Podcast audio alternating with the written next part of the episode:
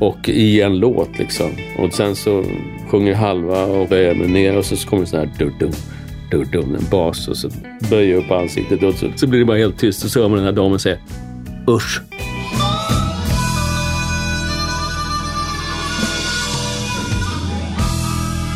Hej och välkommen till avsnitt 46 av Bastusnack. Innan vi går till bastun och lyssnar på historien om Anders Ekborgs slingrande väg fram till scenen så vill jag berätta att Bastusnack sponsras av Tyle Bastu. Tyle är ju en självklar sponsor för mig eftersom jag redan har ett Tylesens Sport bastuaggregat som jag är väldigt nöjd med. Det är energisnålt och det blir snabbt varmt. Och så har det en flockad utsida som gör att man inte bränner sig om man råkar komma åt det.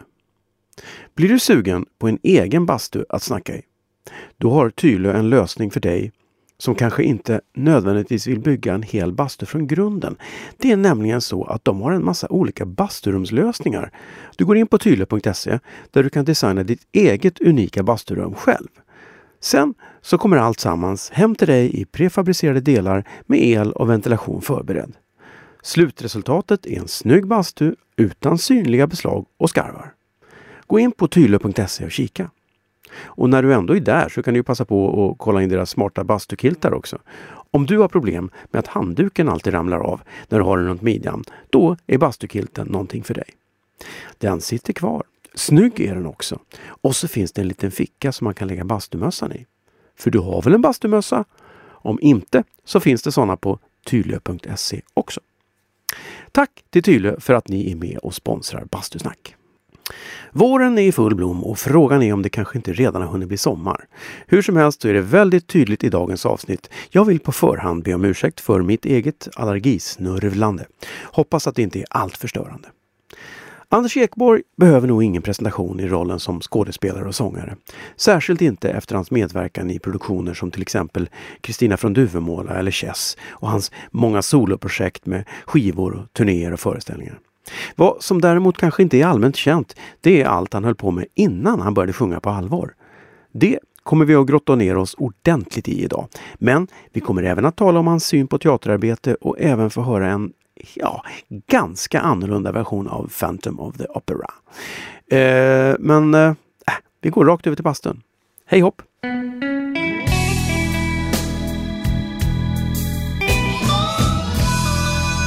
Bastusnack. Välkommen då Anders Ekborg. Vi är ju snudd på grannar. Ja, det, vi är väl inte grannar?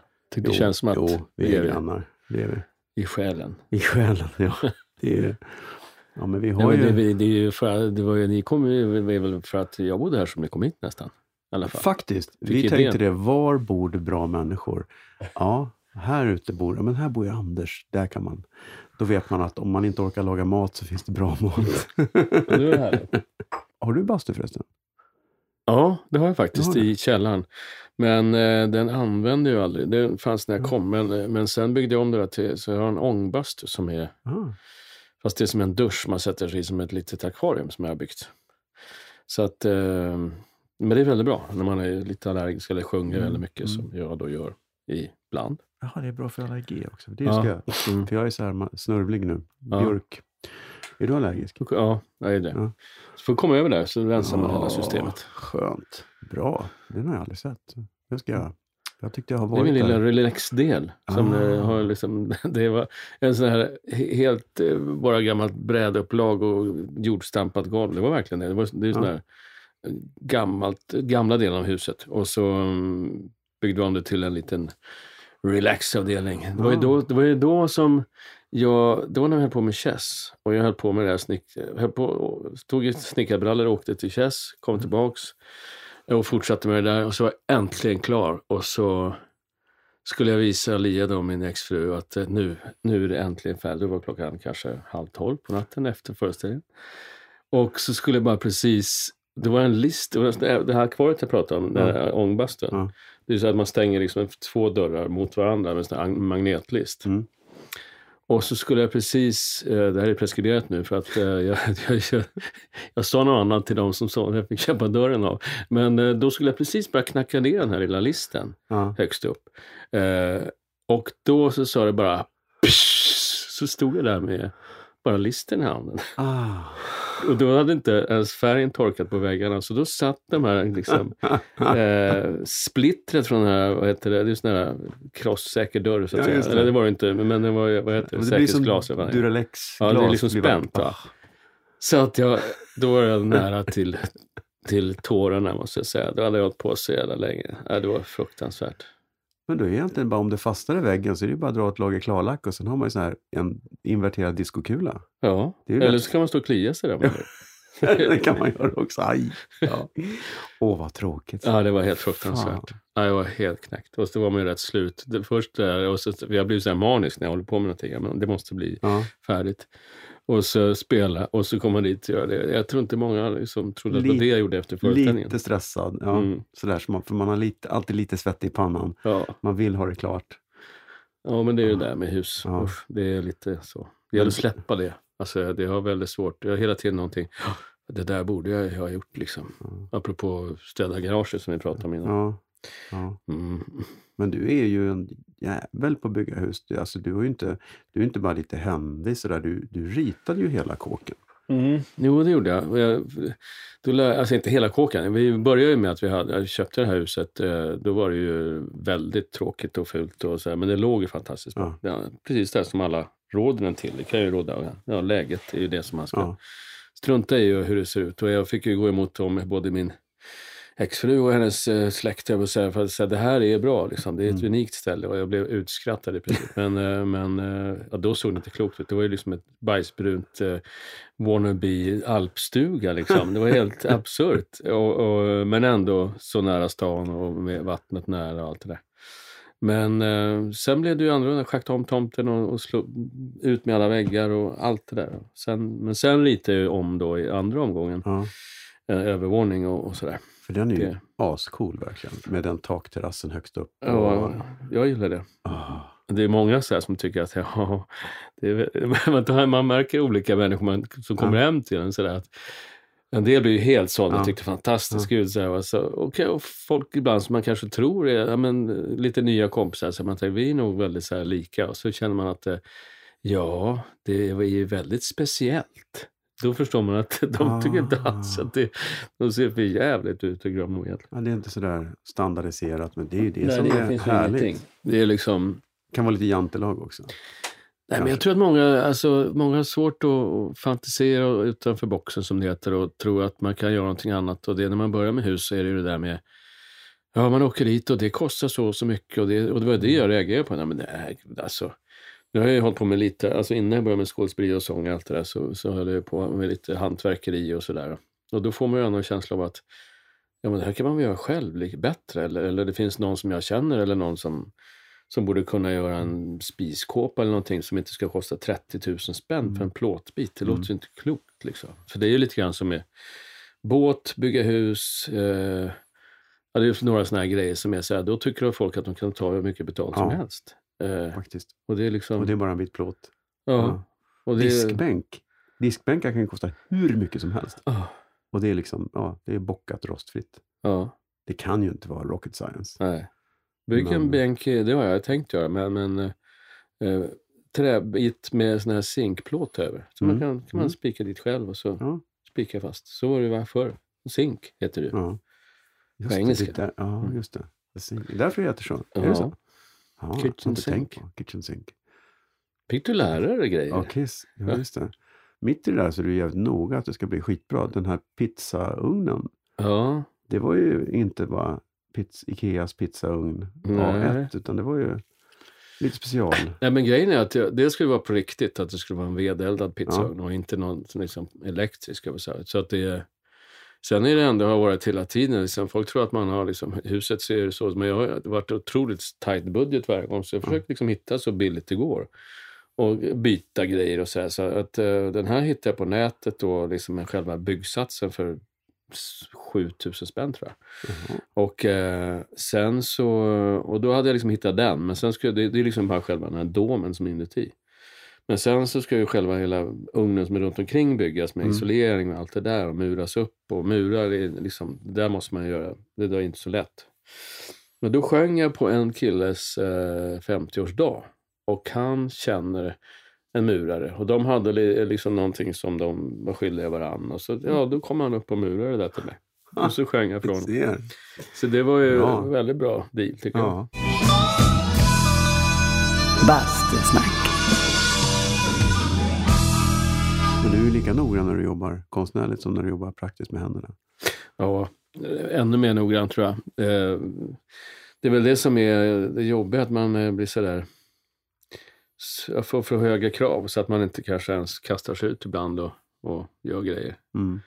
För att, fast jag ändå, det tycker jag ändå jag har gjort, att jag, jag liksom tackar till saker och så får man se liksom, ja men det här, oj, det här var lite kanske mer än jag hade tänkt mig. Men, men, eh, men sen när man håller på så försöker jag ju göra det så bra man kan. Alltså jag är väldigt eh, krävande mot mig själv. Det gör också att man blir krävande mot andra. Man, det finns ju olika man kommer i olika konstellationer så märker man ibland oj, vi har väldigt olika uppfattningar om vad, hur man ska vara förberedd till exempel Mm. när man kommer och jobbar.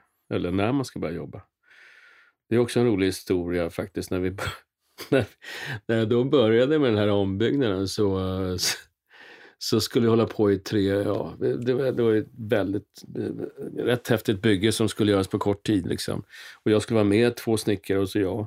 Och eh, så kom, och han som jag, liksom, som jag känner väl och, och som jag älskar och som har gjort allt det andra på huset tillsammans med mig, eh, skulle gifta sig. Så det kom en annan kille, en ung eh, snickare, men han var ut, den andra killen som jag jobbat med, han är inte utbildad snickare. Fast ja, autodidakt, men alltså, han har ju jobbat många, många år. Men, men eh, den här andra killen har gått i skola. Liksom. Men han kom då, liksom, jag stod ju där, vi, vi hade det framför oss att jobba eh, tre månader varenda dag. Liksom. Och eh, då kom han första dagen, vi skulle börja sju, då kom han liksom kvart över med en cigarett och en, kaff, en kaffekopp. Liksom. Och jag, jag hade stått där sedan halv sju liksom, och väntat att han skulle komma. Och jaha, så jag, vi skulle liksom lära känna varandra och, och och då var det det här debaclet med, med eh, avloppsslangen som jag grävt upp och sådär. Eh, jag hyrde en grävmaskin och lyckades gräva av vatt- vattnet in till, Ja. till huset. Det Det, var tråkigt. inte så bra. Det var, det var faktiskt inte mitt fel. Jag trodde det då, men jag, jag hade läst på en karta, men jag var så distress. Jag tänkte jag glömde bort om jag hade gjort det, men jag hade läst på den Ja. att den var på andra sidan huset. Ja. Men eh, han som hade byggt om det innan mig, han hade liksom inte brytt sig om att rita in att allting låg på andra sidan. Så jag grävde av vattenledningen och brandkåren Oh. kom och jag stod där i badbrallor och, och åtta liksom vältränade brandmän kom och kände igen mig från den Oh. där, så här drömkåken på den tiden. ja men tjena, hur går det? Ja, liksom. Ja, det var ju helt fruktansvärt. Bra start. Men då när den här, i alla fall tillbaks den här snickarkillen kommer, då kommer han nästa dag så här 20 över och så nej, 20 över igen med den här kaffekoppen och, och, och så Mm. pratar han i telefon hela tiden. Alltså det finns fantastiska hantverkare och, och han var också jävligt duktig sådär men, men alltså Du började känna irritationen stiga något kanske? Ja, ja, men du vet, det, är, det gäller att hitta dem som Ja. man gillar att jobba med. Ja. Eh, Men eh, här var det liksom, och då, då tre, fjärde dagen så sa jag liksom, du, alltså, vi, man jobbar ju med olika grejer och sådär och jag sjunger ju och, och sådär. Men, men när jag, i mitt jobb, när jag liksom börjar jobba, till exempel om jag börjar då klockan åtta, va? Då, då, är, då är jag färdig att börja åtta. Inte att jag liksom börjar sådär. Va? Så jobbar jag. Och då svarar han så här, ja men eh, så jobbar inte jag. Och då är jag som pröjsar honom. Du vet, eh, timme, det var liksom helvitt jobb naturligtvis och eh, det kostar väldigt mycket per timme. Så att eh, jag pröjsar väldigt mycket för hans cigaretter och eh, telefonsamtal. Eh, och jag är alldeles för konflikträdd där. Jag Ja. liksom kanske verkar jätte... Men, och sen ska man jobba ihop. Ja. Och jag hade ont i magen i tre månader liksom. Hela tiden. Varje gång hans telefon ringde. Ja, Och han hade inga såna här lurar heller, utan han liksom gick iväg och då kunde han röka och så dricka du vet, lite kaffe. Och, alltså jag var helt... Ja, du är beroende av honom så du kan inte riktigt köra upp Nej, stylen. jag kunde inte liksom... Men det är nästan eh, värre än i en produktion. För jobbar man med någon ihop och, och, och gör en föreställning och någon slaggar lite grann så kan man ju faktiskt säga, "Hörru, kom igen nu. Mm, Men det är jävligt svårt med snickaren som plötsligt åker hem. mm, precis. Och då är det, Ja, men det var som jag snackade då med min andra kompis Ja. eh, och sa att du, det här... Men det var han som sa till mig, ja jag hörde, det börjar inte så bra det här jobbet liksom. Mm, Vadå? Liksom, ja, eh, han tycker inte att, liksom, då tyckte inte han att jag var något trevlig typ. eh, du vet. Åh. Och så då stod jag där med vad ska jag göra? Vad ska jag göra? Alltså det var ju hela, jag hade ingen möjlighet till något annat. Liksom. Det, Åh, Mm. det, sen, ja, det finns ju olika typer av människor i alla yrkesgrupper. Så att, eh, Ja. ja. Men du har, ju, du har ju då, om man glider in på det här med yrkesgrupper, innan du började med, med teater och musik, så har du gjort, du höll ju på med massa andra saker. ja. Jag hoppade av skolan tidigt. Jag, Ja. var, jag var 17, 16 och ett halvt typ. Åkte ner till Skåne, började jobba som eh, eller inte som, utan jag jobbade i en blomsteraffär för att Mm. min bästa kompis jobbade där i Tollarp utanför Skåne. Ja. Utanför Skåne heter det, utanför Kristianstad. Skåne. Men man kände sig lite Ja. utanför Skåne kanske, för att man var från Stockholm. Men, eh, Men du drog från, du kände, du ville inte vara kvar i stan? Eller nej, det- jag bodde ju då i Kungsängen. Vi var Ja. ja. vuxna i Gamla stan. Ja. Och sen flyttade jag ut till Kungsängen när farsan gick bort. Och eh, då hade vi ju ett landställe där sen, sen, eh, ja, sen innan jag föddes. Ja. Och som, vi då, som var vinterbonat, så vi bodde där. Då började Ekhammarskolan ute i Kungsängen. Så, att, eh, så där bodde vi ju då. eh, För du var bara nio bast när, det, när din pappa. Ja, ja, Tufft. ja. Ja. Då jag ju kvar inne i stan i Storkyrkoskolan då till Ja. sex, sjätte klass ut och pendlade sista, tänker man ju på ungarna nu, så jag pendlade ju själv. Då. Man åkte Ja. buss och så till pendeltåget och så in till stan och så in till Gamla stan. Själv vill man inte släppa iväg ungarna nu när liksom, då var jag ju tio. Ja. Ja. Men anyways, du, men du, du hamnade, du, men du Det- beslöt hur som helst att, att lämna Stockholm. Ja, Du precis. hoppade av plugget för att det gick ingen bra eller var inget kul? Eller? Det var inget kul överhuvudtaget. Jag tyckte skolan var inte rolig. Liksom. Och det har jag insett långt senare då att jag hade alldeles för lätt för mig på många sätt. Jag hade jättelätt för språk och vissa grejer och då var man inte konformativ. Så att då liksom så här, nej nu får du faktiskt vänta på de andra. Och sen så och sen sökte jag faktiskt då, då hade jag och jag tror jag hade, jag var ju borta väldigt mycket kan man säga, redan i högstadiet. Men Mm. så slog jag vad med någon att eh, jag ska höja mitt betyg från, hade jag 1,5 till 3,5 på en termin. Det, då sa det är helt absolut omöjligt, för då är det fel på skolsystemet. Och eh, vad jag gjorde då var att sluta prata på lektionerna. Det var det enda jag gjorde. Det var absolut det enda. Fortfarande läste jag inte en enda läxa på hela... Du slutade bara störa alla andra. Jag slutade bara störa lärarna Ja. och säga emot och, och liksom få dem att känna sig... Jag är väldigt bra på det där att... Eh, eh, jag måste ha varit en olidlig unge att ha i klassen. För att jag var, så fort de sa något fel eller liksom... eh, Jag är väldigt här, noga med språket och, och, eller, eller liksom hängde upp sig. Eller så, så var jag där och liksom hittade deras svaga punkt. Liksom. Det var ingen bra Nej. grej för att få bli omtyckt av lärarna eller få bra betyg. Sen slutade med det tvärt och eh, fick plötsligt, jag hade 3,5 så jag gick ut. Men då sökte jag då, för det var första året som eh, de kom på i Södra Latin med en Mm. social estetisk variant. Det vill säga någon slags musik, eller ja, det skulle vi... Ja, Början till det så att säga. början ja. till musikallinje som är. Ja. Men då hade de inte kommit på den briljanta idén att ta in insökningar med någon slags, eh, eller ansökningar med eh, inträdesprov, utan då var det på Bara betyg. betyg. Ja. Och då var ju massor som sökte, så det var ju 5,0 för att Ja. komma in där. typ. Så att jag kom inte in där, men då, eftersom det var social linje så kom jag in på social linje i Jakobsberg. I Jakobsbergsskolan liksom, som var eh, helt fruktansvärt tycker jag. Det var liksom, tusentals elever och jag kom i en klass med, eh, jag tror det var 26 tjejer och eh, sju killar eller något sånt där. Och eh, vi hade väl inget så mycket gemensamt om man skulle vara, säga det på ett fint sätt.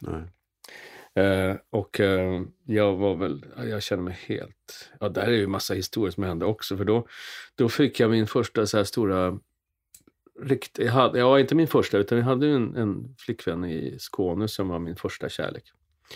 Men eh, sen var min första så att säga vuxna kärlek om man säger på ett, så där verkligen trodde att henne, jag, jag skulle kunna gifta mig och skaffa barn, alltså direkt, fast Mhm. jag var 17 år eller skulle fylla. Och, eh, och eh, så att då, och min mamma körde fortfarande tåg, för då bodde vi i en annan del av Kungsängen på Öråkers gård, där, som eh, Jerry, som han hette, som mammas nye man hade. Men det var några kilometer från Kungsängen centrum. Sen då kunde man inte åka buss, då fick de köra mig till skolan. Mm. Eller till pendeltåget som gick till Jakobsberg. Och eh, så ofta körde hon mig då till eh, pendeltåget och så gick jag in, eh, låtsades gå in där och sen så gick jag till min tjej då. Eh, Medan morsan åkte iväg och trodde, det var ju, var ju inte, var ju inte snällt men eh, vad ska man göra? Så att eh, jag, jag var där en ganska stor del av terminen. Eh, för det hade varit så till exempel att vi hade då ett svenska prov eh, som gick ut på mm, ordkännedom och rättstavning och Mm. sånt där. Och det här var ju 70-talet liksom. Så att eh, då, han, och jag hade alla rätt. Och sen så, men redan andra klassen, resten av klassen hade ungefär ett snitt på 50% rätt på de här frågorna. Och eh, då är det viktigt att man gör det. Och så frågar jag, men vad ska jag göra istället? Sen, sex veckor skulle jag hålla på med, med det då. Så, så får jag, vad ska jag göra? Ska jag göra något annat då? Eh, Nej Anders, du behöver också liksom. Ja, men, jag fan, har ju rätt på alla. Vad ska jag göra? Kan inte väl ingen... Kan du bevisligen Så hade detta? en sån här otroligt fin lärarinna Ja. så här, som pratade så här hela tiden. Hon kunde inte prata mer än i, liksom i mellow och så här. Va? Och jag blev helt... Så, så det är klart att jag inte hade lust att gå dit. Nej. Det, var liksom, Understimulerad? Kan det kan man väl lugnt säga. Och det flera sådana grejer som hände i skolan som var... Jag hoppas det är bättre idag. Det tror jag. Ja, i Men- vissa skolor åtminstone. Ja. Är- Men var du, hade du något sorts konstnärligt driv redan då? Var du, jag menar, Nej. Du hade inget sånt hemifrån? Teater, musik? Jo, det är klart jag hade liksom. Men, Jag menar, det- eh, men det var väl bara att man satte på sig själv sån här press. Att, eller jag tror jag vågade inte ens tänka tanken att jag skulle hålla på med teater Nej. eller sådär. Och sen så tror jag själv man hade likadant som många andra har en viss eh, bild av att man, eh, om man är skådespelare ska bli det, så är man väldigt eh, utagerande och väldigt så här eh, extrovert och, och hela tiden på gång och vill liksom. Och jag var ju extremt blyg som barn. Mm. Jag var extremt blyg, alltså verkligen så här paniskt. Så att när det kom hem folk till oss så sprang jag och gömde mig under sängen. Liksom. Mhm. För vi hade ju också naturligtvis mycket bullriga, bullriga liksom, eh, vänner till pappa och mamma då. Som var sådär, tyckte jag, väldigt liksom stora och... och liksom, Ja, ja. Jag var ju också fem, sex, Ja, sex och ett halvt år yngre än syrran och Ja. fem år äldre, äh, yngre än brorsan. Liksom. Hade de, kände de sig likadant eller var de mer? Nej, de var ju, och brorsan var ju liksom urtypen av den som skulle bli liksom skådespelare och sådär. Och väldigt Mm. eh, alltid liksom... eh, Jag var i och för sig också klassens clown, sådär, men jag var Mm. verkligen bara klassens clown. För det är de som jag kände väl. Sådär. Då var jag alltid sådär, och den som... Jag ja, kan tänka mig det trycket också, farsan och storebrorsan. Det, ja, det, det, Och han Ja. hade börjat långt, han började Ja. ju liksom, jag tror han började kalla flygare liksom när jag började nian. Ja. Eller sånt där. Så det är ju en väldig skillnad liksom. Eller ännu tidigare. Jag tror jag började scenskolan när jag började nian. Liksom. ja. Mm. Och eh, det är ju liksom, då för mig då, så, nej det här, är inte, det, det här är inte min grej. Sen tror jag att det låg bakom att man liksom, tänk om man ändå skulle våga Mm. testa och sådär. Just den här no pressure men Mm. du, fan din farsa var ju ändå ganska skarp här. Mm, mm, Det vill, mm.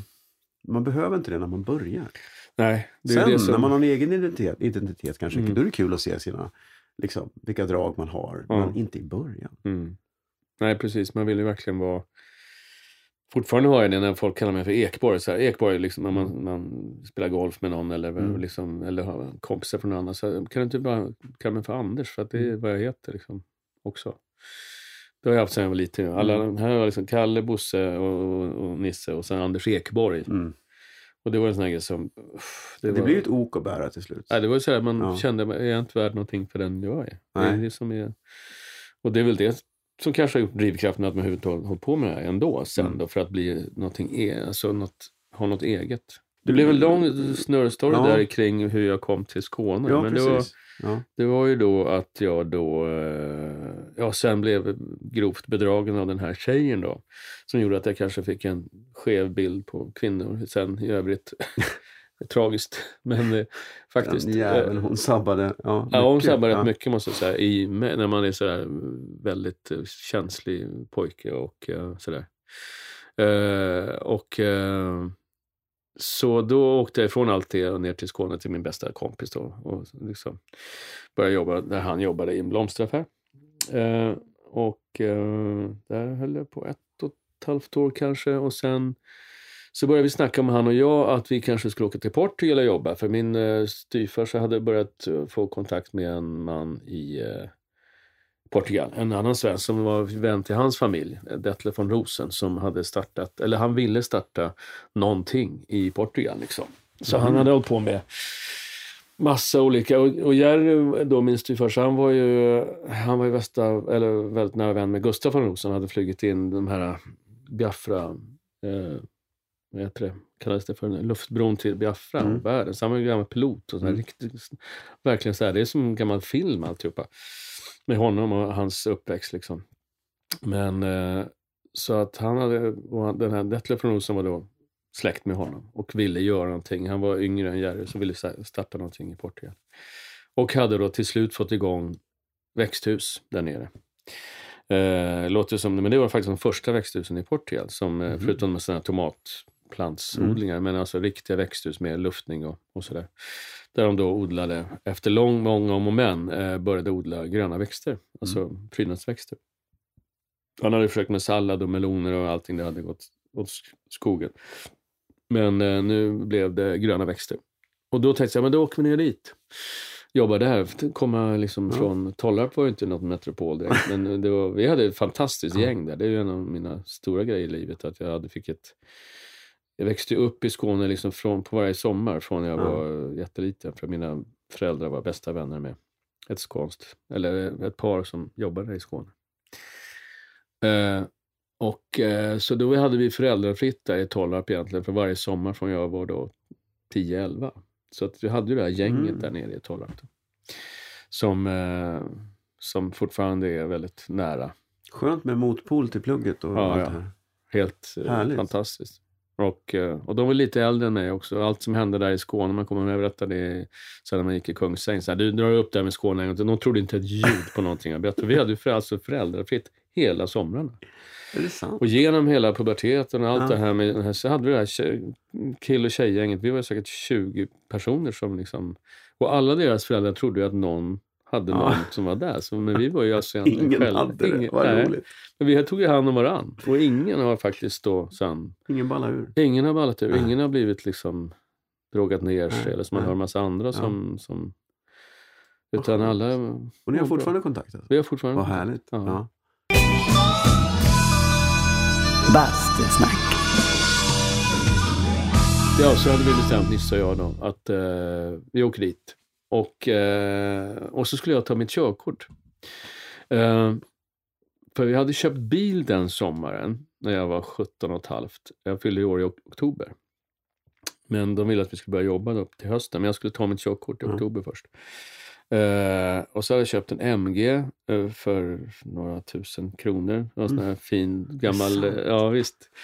För det var inte värt någonting på Nej. den tiden. Det var någon skånsk kille, liksom då bonde där. Så den där kan du köpa fin, för, alltså. ja, vad fan, 5000 spänn eller något sånt där. Ja.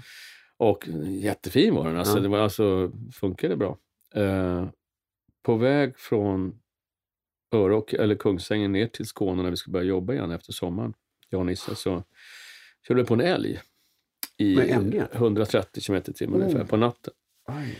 Så att, eh, och hade liksom, jag har haft faktiskt änglavakt i ja, tre, fyra gånger ordentligt sådär. Riktigt Ja, ordentligt. för det är en jag, liten bil. Jag menar, Ja. Det är inget man vill... Oh. Och det blev ingenting kvar av uh, vare sig bilen eller älgen kan jag säga. För det var, det var, ja, den gick in på ena sidan, på vänster sida, såg den sen för det var en sån här störtbåge på bilen. Mm. Har gått förbi hans ansikte så här, och knäckt hans näsa och slagit av örat och, och lite på armen. Och jag hade krupit ner tio minuter innan och tänkte, för man kan dra benen rätt långt fram. Ja. Så jag krupit ner till liksom, så jag kunde luta huvudet på det här. Det finns ju ingen nackstöd på de här bilarna. Så jag låg liksom där och då hade den kommit in rätt över huvudet på mig och slagit in i störtbågen och exploderat hela älgen.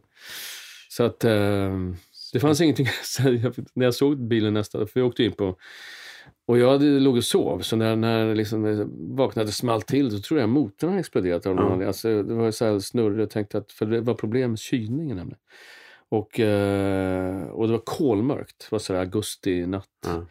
Och då kom en massa folk. Hur gick det med älgen? Liksom, älgen? De är helt snurriga. Och så sa de bara till mig, så Gå, du måste lägga dig ner. Lägg, nej, men det är ingen fara. Jag har bara lite ont, eller så ögat där. Jag var helt övertygad för jag hade fått med glassplitter i ögat. Ja. Så jag tänkte, okej, jag blev av med synen på ena ögat. Men det, var, jag har ju klarat mig jättebra. Och, eh, men de andra sa, men du måste lägga dig." Då fattade jag sen att, eh, för när jag tittade mig i spegel, man, det speglades sen när man gick in i Ja. sjukhuset. Såg jag, I glas så såg jag liksom inget ansikte. Det var liksom bara, Det du var hade, så många, du hade fått hela rutan så att jag hade så mycket småsår i hela ansiktet. Så man såg, det var bara blod alltihopa, Ah. en blodig sörja liksom. Ja, det var otroligt eh, nära ögat. Men eh, Ja så det gjorde ju att det tog ett tag innan jag tog mitt körkort tror jag. Eller det tog ett tag. Så att Nisse åkte ner i, eh, då, i eh, oktober eller, eller september. Och jag skulle komma ner till jul. Eh, och eh, jag åkte ner till jul och då hade han, Nisse då, min kompis, träffat en tjej som han hade liksom inte pratat så mycket om till mig. Men så när jag kommer ner så känner eller när han kommer hem till jul så är det, så ska vi åka ner tillsammans. Och då säger han att, eh, ja, klämmer han till sista dagen när vi ska åka att, eh, "Ah, jag stannar hemma. Eh, och vi skulle bo där ett år, minst. Så jag bara, eh, jaha, ska jag åka ner helt ensam nu? Och liksom, mm. Och han var ändå två år äldre än mig. Och, och när man är 17, och, eller 18 var jag då precis, så kändes det liksom, oh, oj, vilken grej. Och det var jättetufft i början. För då bodde jag med två andra killar och så en delad lägenhet. Och jag tror liksom, ja, det var en väldig kulturchock. Det var liksom, eh, framförallt var det ju, eh, de var svenska men de har bott där i princip hela sitt liv. Så att det var liksom, och lägenheten var, eh, det var, när jag kom ner så var det fyra grader på morgonen när man vaknade. Så regnade det in precis, det var en sån här stor, gammal, jättefin på många sätt. Men det regnade in på hur många ställen som helst. Så, och det var ju så rått och så kallt. va. Det fanns ju ingen uppvärmning någonstans. Eh, så jag tror, vart har jag kommit? Liksom det, det var helt, det var otroligt tufft. Och sen så jobbade jag i växthusen och från sju på morgonen till sex tror jag. Shit. Tjänade 700 kronor i månaden. Eh, Ja, det är Det svårt var- att avgöra vad det är idag. Men det... Ja, det var ju, det är som, det var ju så, där nere var det väldigt mycket pengar, alltså väldigt Ja. mycket, men hyrorna på den, fortfarande tror jag det är så, de sätter de så här per livstid på den som bor där. Ja, så att eh, om det är någon som då flyttar in så sätter de för 30 år fram, eller 40-50 år framöver. Så hyran på den här lägenheten var 3000 spänn. Så 1000 spänn i månaden skulle till hyran. Så och 700 spänn tjänar man. Det var Eh, ju svårt. Ja, men då hade jag fem, jag tror jag hade 500 spänn från pappas livförsäkring fortfarande då. Ja. Som hade varit sån här, tidigare jag var 25 eller Ja, någonting. Så hade ja. jag 500-600 i månaden. Så det var den jag levde på, 300 spänn. Fast ehm, Men du gav inte upp, du var där ändå? nej, jag var där ändå och det var väldigt kämpigt första halvåret. Men sen så, och sen var jag där lite över ett år. Men sen, eh, sen flyttade jag hem för att jag skulle göra lumpen. Och kände ändå att nu är jag klar med det. Ja. Men sen efteråt har jag märkt att gud vad jag lärde mig mycket av den Ja. tiden. Det var helt otroligt. Jag har liksom tjatat om det här lång, lång, långt efter det. För att de människorna, det var ju precis efter revolutionen. Det var en revolution där 74, va? eller 75. Och eh, så det var ju bara några år efter. De hade Mm. precis öppnat upp. Mm. De hade fortfarande bara en kanal, svartvit, på tv. Och eh, extremt eh, upp, alltså fantastiskt folk inbjudande. Det låter som en superklyscha, men det var Mm. de fattigaste men lyckligaste människor jag har träffat. För att de, allting var ju möjligt. Allting Ja. var ju på väg framåt och Ja. bli bättre. Och man hade verkligen jordstampat golv och inga dörrar på. Jag åkte hem till en av killarna jag jobbade med, hans, vi skulle hälsa på hans mamma och pappa. De bodde de i, i, i grottor uppe i, ja, Äh? i, i eh, alltså inte såna här grottor, men alltså grottområde som Ja. de har gjort om då under, ja för alltså, århundraden sedan. Så uppbyggda med små, små, små stenar. Så det var liksom ett rum var, var köket och ett rum var sovrum och ett rum som var som en liten Mm. eh, bullerby fast i extremt litet format fast i sten. Alltså, Wow. ja, helt otroligt. Ingen ström, och Hålet ingen vatten, åtminstone. ingen någonting. Ja, det har hänt en del sen, sen Ja, dess, det har det gjort. jag. Men otroligt bra livserfarenhet. Ja, fantastiskt. Ja. Men sen när man väl kom till, jag har gått ut scenskolan, eller jag hade inte gått ut men jag gick på min, gjorde på min praktik på Östgötateatern. Ja. Och då skulle jag spela Nils Holgersson. Och eh, då så kommer jag ihåg att regissören sa att ja, så sitter ni här vid bordet och i början av den historien så sitter de så är de väldigt fattiga och de sitter där vid bordet och det är spruckna rutor och sådär. Va? Eh, och så, ja, så är ni ledsna, ni sitter där och det är som så här. Och så frågar jag, men varför är ni ledsna? Ja, men ni är så fattiga. Men vad, vad har det med saken att göra? Varför, varför ska du spela att vi är ledsna? Ja, ja men ni är fattiga. Så, ja, men för mig var det bara så här, ja men det har väl inget, du vet. Och då var man ju lite jobbig Ja, då direkt. Att ja. man, då skulle vi sitta och spela, ja vi har det så jobbigt. Det är så här, va, dödstråkig teater. Liksom. Det fanns ju ingen anledning överhuvudtaget. Om man inte blev fattig igår. Nej men precis. Ja, precis. Men de var inte ledsna. Det var bra där nere. De var glada för De var, framtids... ja, alltså det, det var det var otroligt, ja det var en kvinna där, en fantastisk eh, äldre dam som hade lärt sig eh, läsa och skriva själv. Sen var- fanns det ingen av dem som jag jobbade med som kunde läsa och skriva. Nej, oj. Det var ju bara en klick där i Lissabon som var hög. Alltså. Ja. Eliten, ja. Och det var väldigt stor skillnad. Det är fortfarande idag stor skillnad. Har du varit mellan- där sedan fanns- dess? Ja, Ja. rätt. Jag spelade in min senaste skiva. Inte min senaste, men näst senaste. Ja. Den senaste håller jag på med nu. Men eh, där nere, tillbaks på mina gamla trakter. I den, var tillbaks där bland växthusen där och träffade Detlef von Rosen Ja, han är kvar. Nej, han, är, han har nu gått bort tyvärr precis förra året. Men eh, och gjorde, vi spelade in massa låtar, gjorde videos och grejer Jaha. där. Det var underbart. Att se- sluta cirkeln. Ja, Ja. Faktiskt. Bastusnack.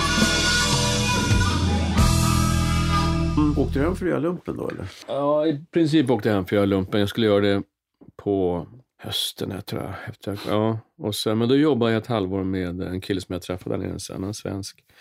Som var från Hässleholm. Hans familj eh, hade ett litet, litet familjeföretag som satte in skuggning i växthus. Och skuggning, det, det, var, det kom en tid då när det var Ja, dels behövs ju blommorna skuggas Ja. varje år. Förr gjorde man det med en kalkspruta. sådär. Men eh, då kom man på att man kunde så sätta upp gardiner kan Ja, man säga på ett enkelt sätt. Fast väldigt, Ja. väldigt stor skala. Som gick på av i med olika automatik och sådär. Så att vi, eh, och då tjänade man också en otrolig massa pengar. Eller alltså tjänade in en väldig massa onödig olja. Som förbrändes Ja. så att eh, det var väldigt bra eh, miljömässigt och på alla sätt. Så att det var en väldigt snurr på det när vi kom hem där och eh, åkte runt hela Norge och Sverige och eh, satte in såna här skuggningar. Det var man liksom ett ställe, en, en vecka. Det var ju det var mitt första hantverkarjobb. man. Eller ja, det hade jag väl gjort i Portugal också. Men där körde jag lastbilar. Det var så allt i allo och Ja. massa grejer. Och, eh, men där var då, då var det att vi svetsade upp liksom olika konstruktioner i växthuset och satte upp en motor och drog linor och satte upp i taken där och, eh, och sen drar man upp de här gardinerna som då ska fästas på speciella sätt och så ska man få det att funka. Och han var otroligt duktig och en, en fantastisk eh, eh, liksom arbetarinriktad. Liksom. Det var bara, man kom in så liksom, ja, vi börjar direkt. Och Där har jag lärt mig otroligt mycket av honom. Att liksom, bara börja liksom. Ja. Stå inte och tänk i hur länge som helst att nu ska vi göra med det och det blir svårt eller det blir... Det är bara att börja. Ja.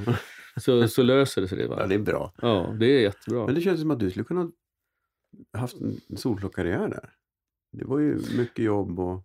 Ja, det, det skulle jag kunna ha gjort. Men eh, det, var, det jag gillade med det, det har jag alltid gjort. Jag gillar alltid projektjobb. Att man Ja. jobbar med någonting och sen så är det klart och så går man liksom vidare. Ja, ja. Jag skulle aldrig kunna stå Nej. och jobba på samma ställe liksom, eh, längre. Man blir ju liksom själsligt död då. Och eh, det var jättekul och lärde mig fantastiskt. Och sen fick vi se, liksom, man åker runt, resematör, åker runt Sverige, Norge och allt Ja. det där. Ser massa människor och då var det ju faktiskt, ja, då sitter man där uppe och högt upp i taket, ingen varken ser eller hör en liksom. Och så står de och pratar där nere under, liksom, då fick man ju då och det var då jag, det var också faktiskt en, en del till att då kom jag, det var under den tiden som brorsan gick på scenskolan. Just det. Eller hade gått ut men han hade sina scenskolan. Då var jag då alltså 19 och ehm, de eh, pratade om, eh, ja då hade han ju liksom, då träffade jag dem eh, på någon fester och sådär. Och, och alla prat, satt och pratade om vad folket ville. Och det var extremt politiskt då. Ja. Det var extremt politiskt då. Och teater var inte så många som pratade om, eller, eller liksom konsten, eller, utan det var ju bara liksom politik. Och eh, det var liksom inte det som jag ville hålla på med. Eh, jag var ju liksom ute i politiken på riktigt. Jag jobbade ju som alla andra. Och de här på växthusen det var ju de som ungefär tjänade lägst i Sverige också då på den tiden. Jag visste ju liksom vad vi pratade om på jobbet och vad, vad det handlade om. Men de på scenskolan pratade jag liksom, väldigt få av dem hade jobbat Nej. överhuvudtaget. Eller visste ens vad det var. Men de hade väldigt mycket att säga om hur det var att jobba. Liksom. Så då fick jag en väldig första smak. Men det här är liksom inte min grej att prata om hur, hur det är. För de frågade liksom, så, ja, går du också på sko-" De satt och pratade, ja folket vill det och folket vill det här och folket vill si och så. Och sen så, ja, går du på scenskolan? Nej, jag jobbar så här. Jaha, ja, ja, okej. Eh, Då var de ju helt ointresserade av vad jag hade att säga. De kunde Precis. fråga istället. eh, Jag är folket. Ja, precis. Ja. Men det var inte riktigt något som ville höra. Så att eh, det, då kände jag, men det här är ju inte min grej med scenskola och sådär. Bastusnack. Sen gjorde jag lumpen. Och, eh, vilket var rätt kul, för då hade jag skrivit in, då fick man skriva in vad man hade gjort. Och jag hade kört lastbilar, så jag fick ju då köra lastbil i lumpen. Då var man sån här utbildning i lastbils... Mm. Olika, och, alltså rätt, det är kul. Och liksom, gigantiska lastbilar rätt ut på en liten kostig liksom, som man inte tror är möjligt. Men, men, eh, och sen andra delen av, då skulle man då skjuta och kräla runt och sådär som inte var jätteintresserad av. Eh, men då blev jag uttagen till eh, telegrafist. Du De hade sådana här det. telegrafi eh, tester då, för de hade fattades folk och det skulle vara och det måste man ha anlag för, så man får en sån här test och så var jag då bland annat som test och då var vi väl 35 från början, sen tror jag vi var och sen ökas takten på det här hela tiden, Ja. så blir det några som är kvar där. Så jag var bland dem, vi var 6, 7, 8 stycken kvar på slutet. Så, och då, så halva dagen körde jag lastbil och halva dagen telegraferade jag. Så att jag körde bara ut och hämtade mina kompisar som varit ute och, och krälat i kostofter. Ja, de, de var inte glada för mig kan jag säga. Men det var jävligt kul. Och eh, kan fortfarande telegrafera tror jag. Ja, du kan morsealfabetet. Vill du ha test? Jag kan skriva David Tran, Ja. Trandis.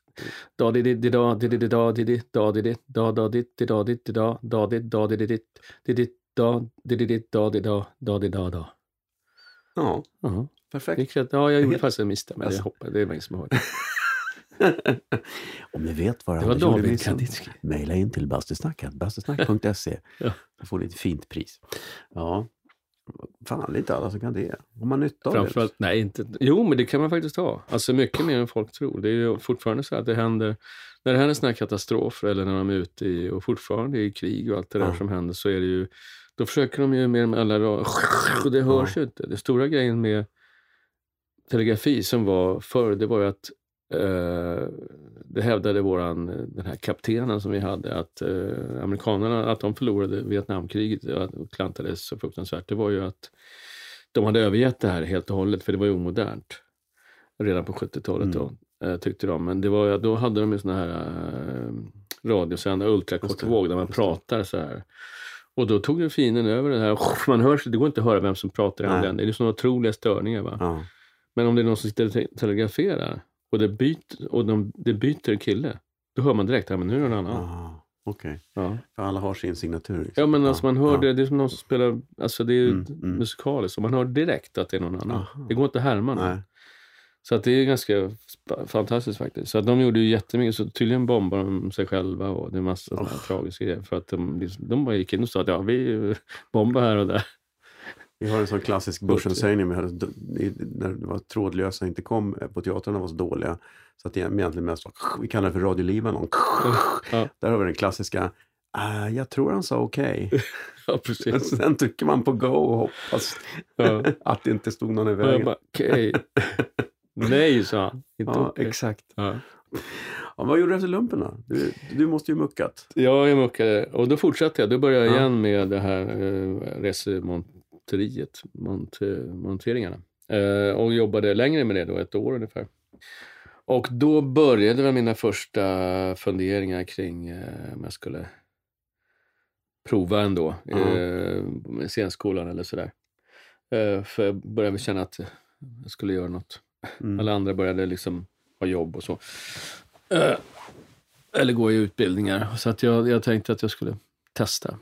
Men då var det den här stora, som vi pratade om innan, att eh, Alltså jag ville, jag ville gärna, jag, min stora skräck var ju att vara helt, det pratades så mycket om talang. Liksom. Det mm. Ja, du måste ha talang, du har talang. Och, eh, och nu för tiden så tror jag att många, ja men du, även då så var det så här, men du, alltså med ditt namn, du, det är bara att komma in på scenskolan. Det, det är så långt ifrån det någonsin kunde ha varit. Nu har det kanske blivit lite mer så att de, de kan få egna tv-program bara för att de heter ett namn, men på den tiden var det verkligen ja. precis tvärtom. Fast jag tror att det stannar vid ett. Mm. Sen är det klart, mm. om du inte har talang. Nej, men då får man ändå ett. Men då, det här, då var det ju mm. ändå så att, oj, det var ju, för brorsan var det ju liksom jävligt tufft, alltså ett på scenskolan, att det var ja, i princip mobbad hela tiden för att man inte var då rätt politiskt och att man hade ett namn så istället för att ha jobbat på. Mm. Ja, så det, det var jävligt, det var tufft. Men eh, och tufft för, för, min del då att, att, känna att om inte jag är liksom har talang som alla pratar om så är det ju kört. Och om man då... Det var fortfarande inte så att jag brann för att stå på scen. Så det var bara, men jag var otroligt intresserad av teater och film och sådär. Mm. Det kände jag att jag hade känsla för och visste, ja, visste något om. Jag hade man har ju vuxit lite upp. vuxit upp precis. Man har ja. det i blodet. Ja. ja. Jag förstår precis vad du menar faktiskt. Att det känns alltid som att ja, men man hör till det där. Ja. Och, eh, så då testade jag genom att söka scenskolan och då tänkte jag att ja, men, det var ju så otroligt, det är tusentals som söker där och så kommer liksom, jag i Göteborg, sen, sen gick, där gick, kom det in fyra killar och fyra tjejer. Det är liksom bara, så jag tänker, och så var det tre eller fyra sökningar på den tiden, jag kommer inte ihåg. Så det första tänkte jag, då sållar de ju bort då 500 då, om det är mm. tusen som söker. Och det kan ju inte vara, jag, men jag hoppas, jag måste ju ändå vara bland de 500. Ja, att, och sen skulle det vara en tid emellan. Så att jag, jag tänkte jag går in och gör det lite med vänster hand så kan jag liksom, eh, så att jag inte blir för ledsen om jag inte klarar det. Liksom. Och så, sen när jag går vidare så kan jag då kanske satsa hårdare. Men det var ju bara det att, vilket man förstod sen när man väl kom in och, och satt bredvid juryn och tittade och sådär, att det, det, det som krävs är bara att man satsar och visar att jag vill ingenting annat på mm. jorden mm. än det här. För att det är så många som söker att man vill inte ha någon, även om personen kanske är begåvad, men som tycker att, eh, som man säkert utstrålar då som ung och, och liksom att ja, men det här är väl inget svårt. Alltså det är helt ointressant mm. med sådana, utan man vill ha någon som jobbar hårt, som det här yrket innebär. Och, eh, så jag åkte ut med buller och bång. Jag klarade liksom först, så att först andra året jag sökte då, eh, som jag förstod att det här, nu måste jag våga. Jag kan inte liksom göra det här med vänster hand och tro att... För det visade sig sen också, de hade ju tagit, de tog bara liksom tror jag, 16 killar till andra provet. För att, mm. Just för att ha mycket mer tid med dem då, istället för att mm. hålla på med de här som kanske, mm. men inte hade lärt sig texten riktigt. Jag blev du förvånad när du åkte ut?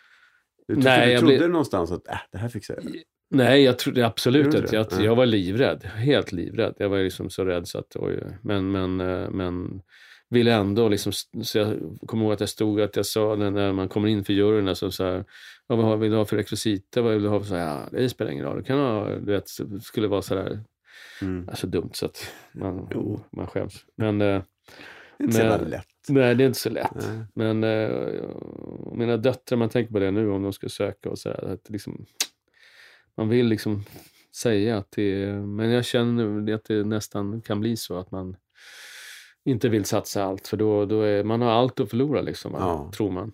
Uh, och tycker man kanske då. Många går ju och läser för någon och sådär. Du gjorde aldrig det? Mm. Jo, jag fick faktiskt, eller jag gick inte och läste men, men jag fick spela upp för Ingvar Hidvall. Mm. Uh, och det var en stor ära. Ett par gånger liksom i alla fall. Och, nej, han tyckte det var bra. men, eh, och, men jag tror att jag åkte på det där med att jag stod och var sådär. Ja.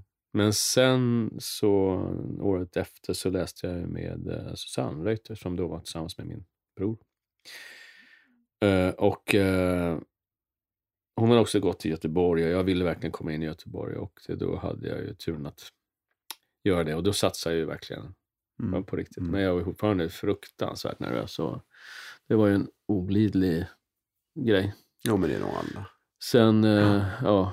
Men sen var det min stora ja, uppenbarelse att komma in på Göteborgs scenskola som hade en gedigen kunskap, en otroligt gedigen tradition av, av eh, ja, Stanislavski, skådespelarguren. Liksom, och, utvecklingen av det. Som, så det fanns liksom en arbetsmetod som alla lärare hade. Alla jobbade efter samma mål. Det fanns inte att det kom in olika kända skådespelare utan det fanns en otroligt... Och framförallt för att komma bort totalt från det här med talang. Utan Mm. liksom, Jobb. okej vi jobbar Mm. med det här Mm. och eh, liksom improvisera. Hela året bara först, första året är bara improvisationer.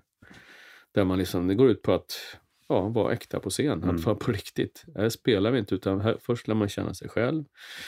Så att man har någon, ja vad är det jag utgår ifrån? Och eh, också den, vad ska man säga, vi hade en lärarinna som jobbar mycket i USA, så en amerikansk kan man väl säga sätt att jobba eh, bland skådespelare, vilket är fantastiskt bra. Att eh, alla, alla, alla vet att ja, okej, okay, jag har en uppgift, jag ska gå upp och, och jag ska ja, få ut den här personen ur rummet genom att använda olika medel. Liksom kanske skrämsel, eh, eh, hota eller tvärtom kanske vara mm, smickra eller vad man nu använder Mm. för medel. Och, då ska, och så sitter resten av klassen och tittar på det här. Och sen, sen efteråt så säger de, ja, du fick inte ut honom eller du fick det eller inte. Du uppnådde ditt mål. Det handlar om att Mm. nå ett mål. Och, eh, men du gjorde ju inte det. Du gjorde, hotade inte. Du gjorde det här istället. Du gjorde det här istället. Och, eh, för alla får säga en och en vad de Mm. har sett.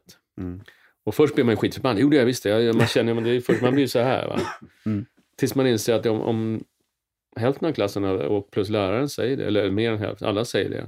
För alla ser ju det liksom utifrån. Men själv tycker man att och det är så lätt om det är en person eller så, här, så säger man alltid men det är den personen det är fel på. Det är jag som har gjort. Till slut blir man ju då väldigt...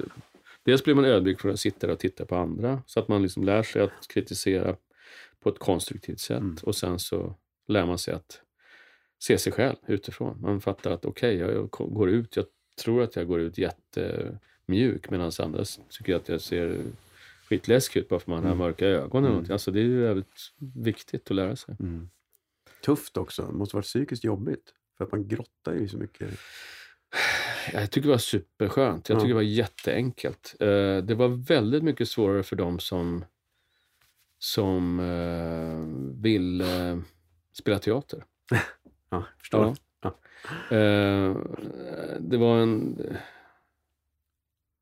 Om man ska vara helt ärlig så var det mycket svårare för tjejerna. För det, jag tror att de hade kanske eh, vuxit upp... Jag vet inte om de har en grej att åh, det här är en bild av hur de vill vara eller kanske de fått av andra att så här ska jag vara. Så att när det blev så här tufft och, och våra lärare var ju framförallt Doreen Cannon som vi jobbar med eh, var ju stenhård. Liksom. Hon var liksom, kom in så här, what are you doing? Liksom, det, var, det var inte några svenska liksom, Nej, mjuka nypor utan så här, stop it, gå ut, kom in igen.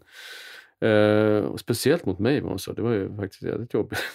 Hon sa I don't believe you. Liksom, det var det hon sa.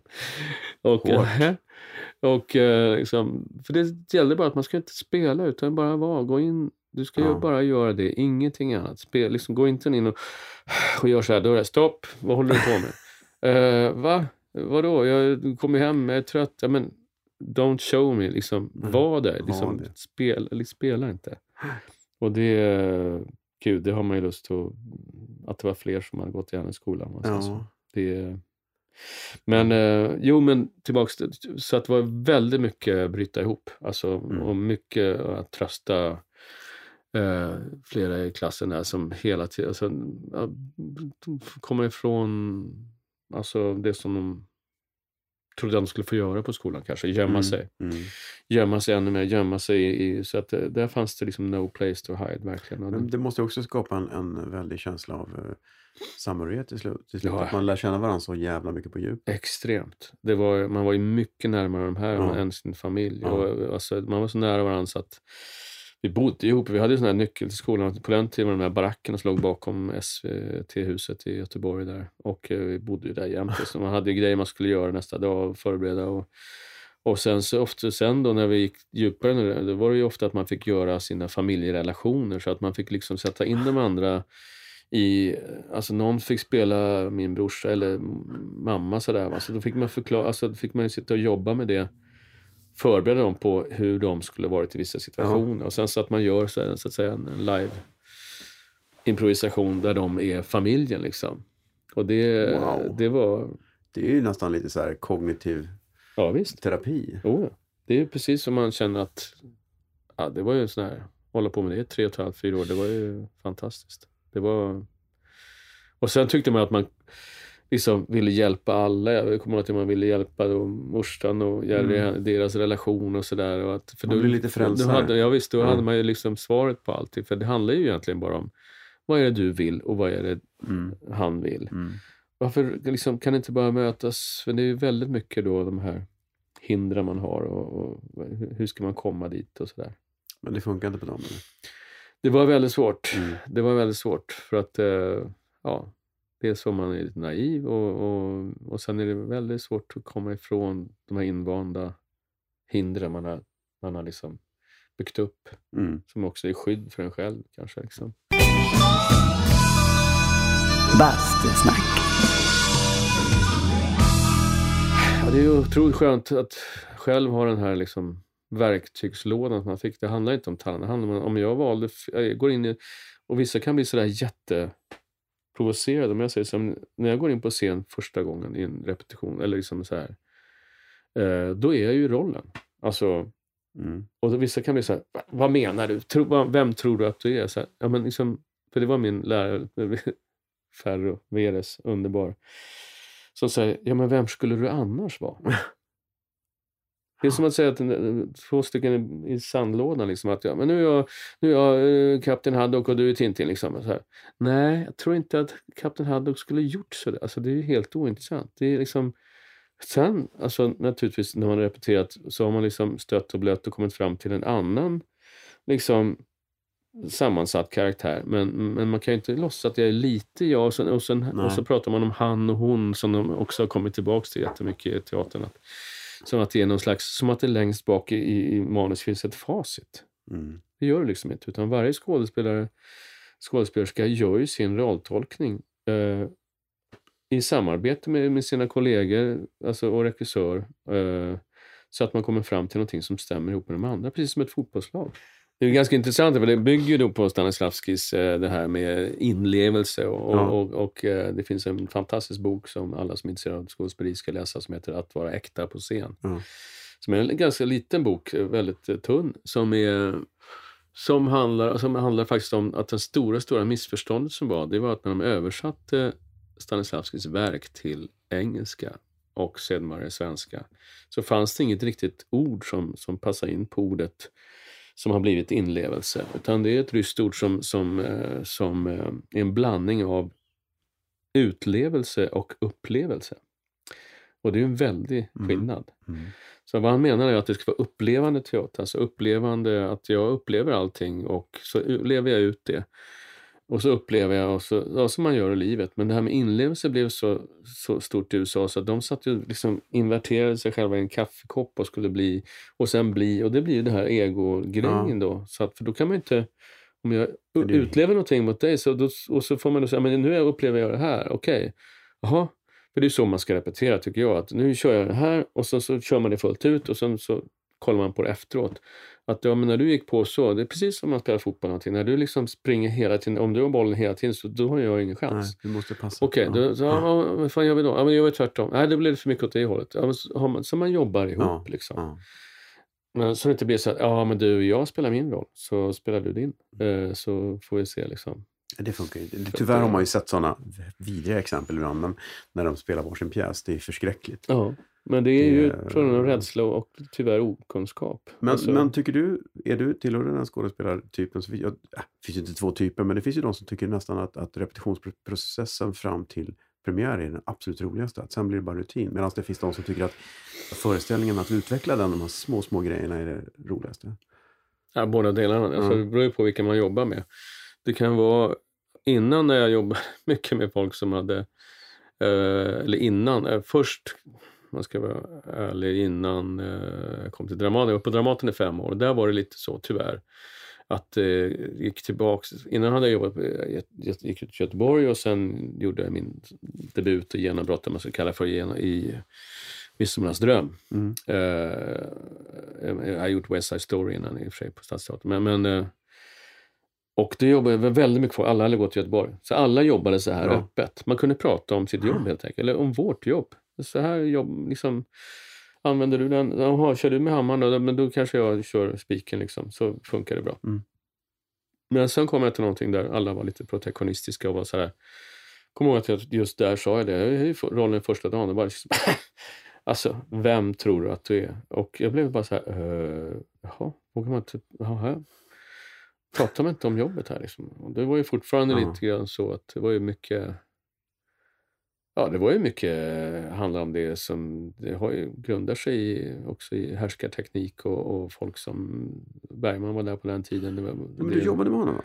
Mm. Gjorde du Per Gynt va? Ja. Ja. Och, Det är ju en eh, helt annan skola. det är en helt annan skola. Det jag som tyckte var så bra med honom, som många tror jag, många så att säga vanliga människor eh, som inte jobbar med det här, tror ju att regissören säger till en hur man ska spela. Vilket är fullständigt barockt. Alltså för det första är det, det är som att eh, landslagstränaren ska säga till Zlatan att ja, först tar du vänster och så ställer du höger ben och så vänster ben och så höger ben och så springer du upp. Precis så. Ja. Det är helt omöjligt. Ja, jag jobbar med några kassaregissörer som faktiskt går upp och spelar före. Ja, Och det är inte så kul. nej. För det blir, resultatet blir aldrig bra. Nej. Nej. Alltså lite på den Ja. som gör Och sen så absolut, säg till, hjälp till som ett öga utifrån och säga att det här ska vi inte ha, det här, vi siktar på det här. Men vi måste ju jobba tillsammans och siktar vi på det här. Och sen, Mm. Men det ska inte vara, framförallt ska det inte ligga på en regissör att behöva tala om för det här är ju mitt jobb. Att kunna liksom, det är ju som ja, snickare vad som helst. Jag ska kunna mitt jobb och sen ska jag kunna snickra ihop vad som helst. Mm.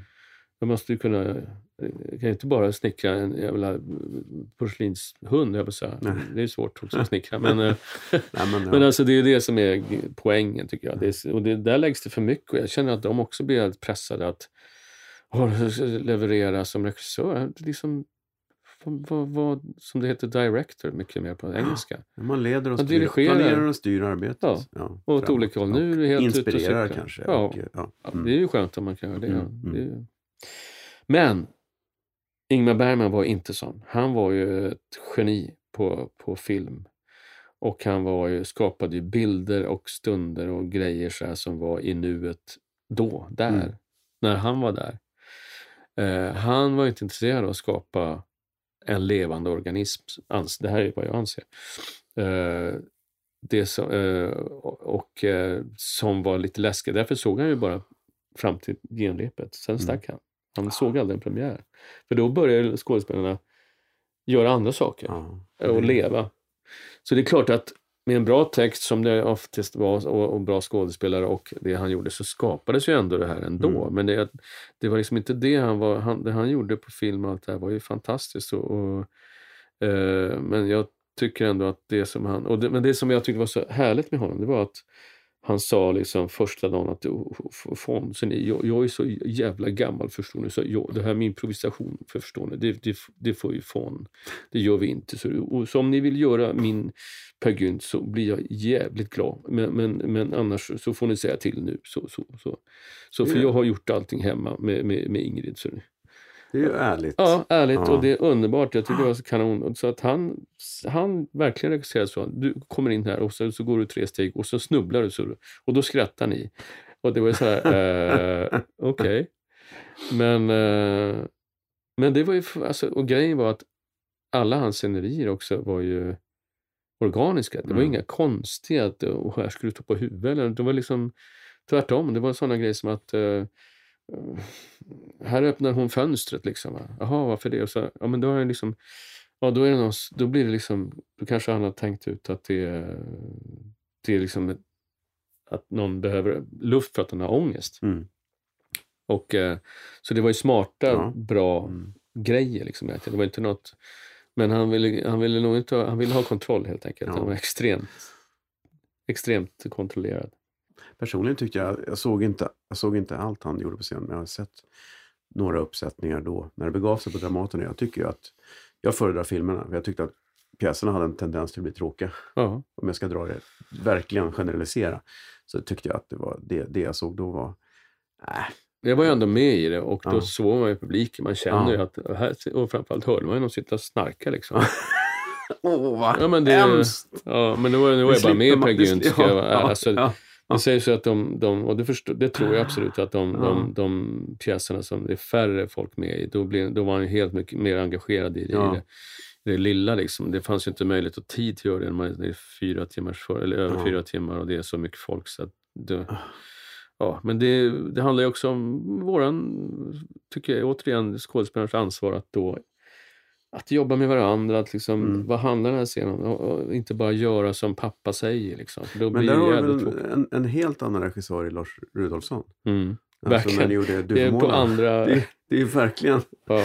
han berättar, han säger väl ingenting i det? Gör så här, Nej, utan- alltså det är, vi, vi undersöker Ja, scener ja. tillsammans och sen så precis så. Jag älskar ju att jobba med honom för Ja. att det var liksom eh, Sen kan jag ju bli så här, jag får ju t- 50 000 olika idéer själv och kanske är det jobbig men, men eh, stora grejen med, med, med, med Lars Ulveson, han ville ju ha det äkta. Ja. Alltså det, var, det skulle vara liksom äkta. Och vi var ju äkta på scen varenda dag.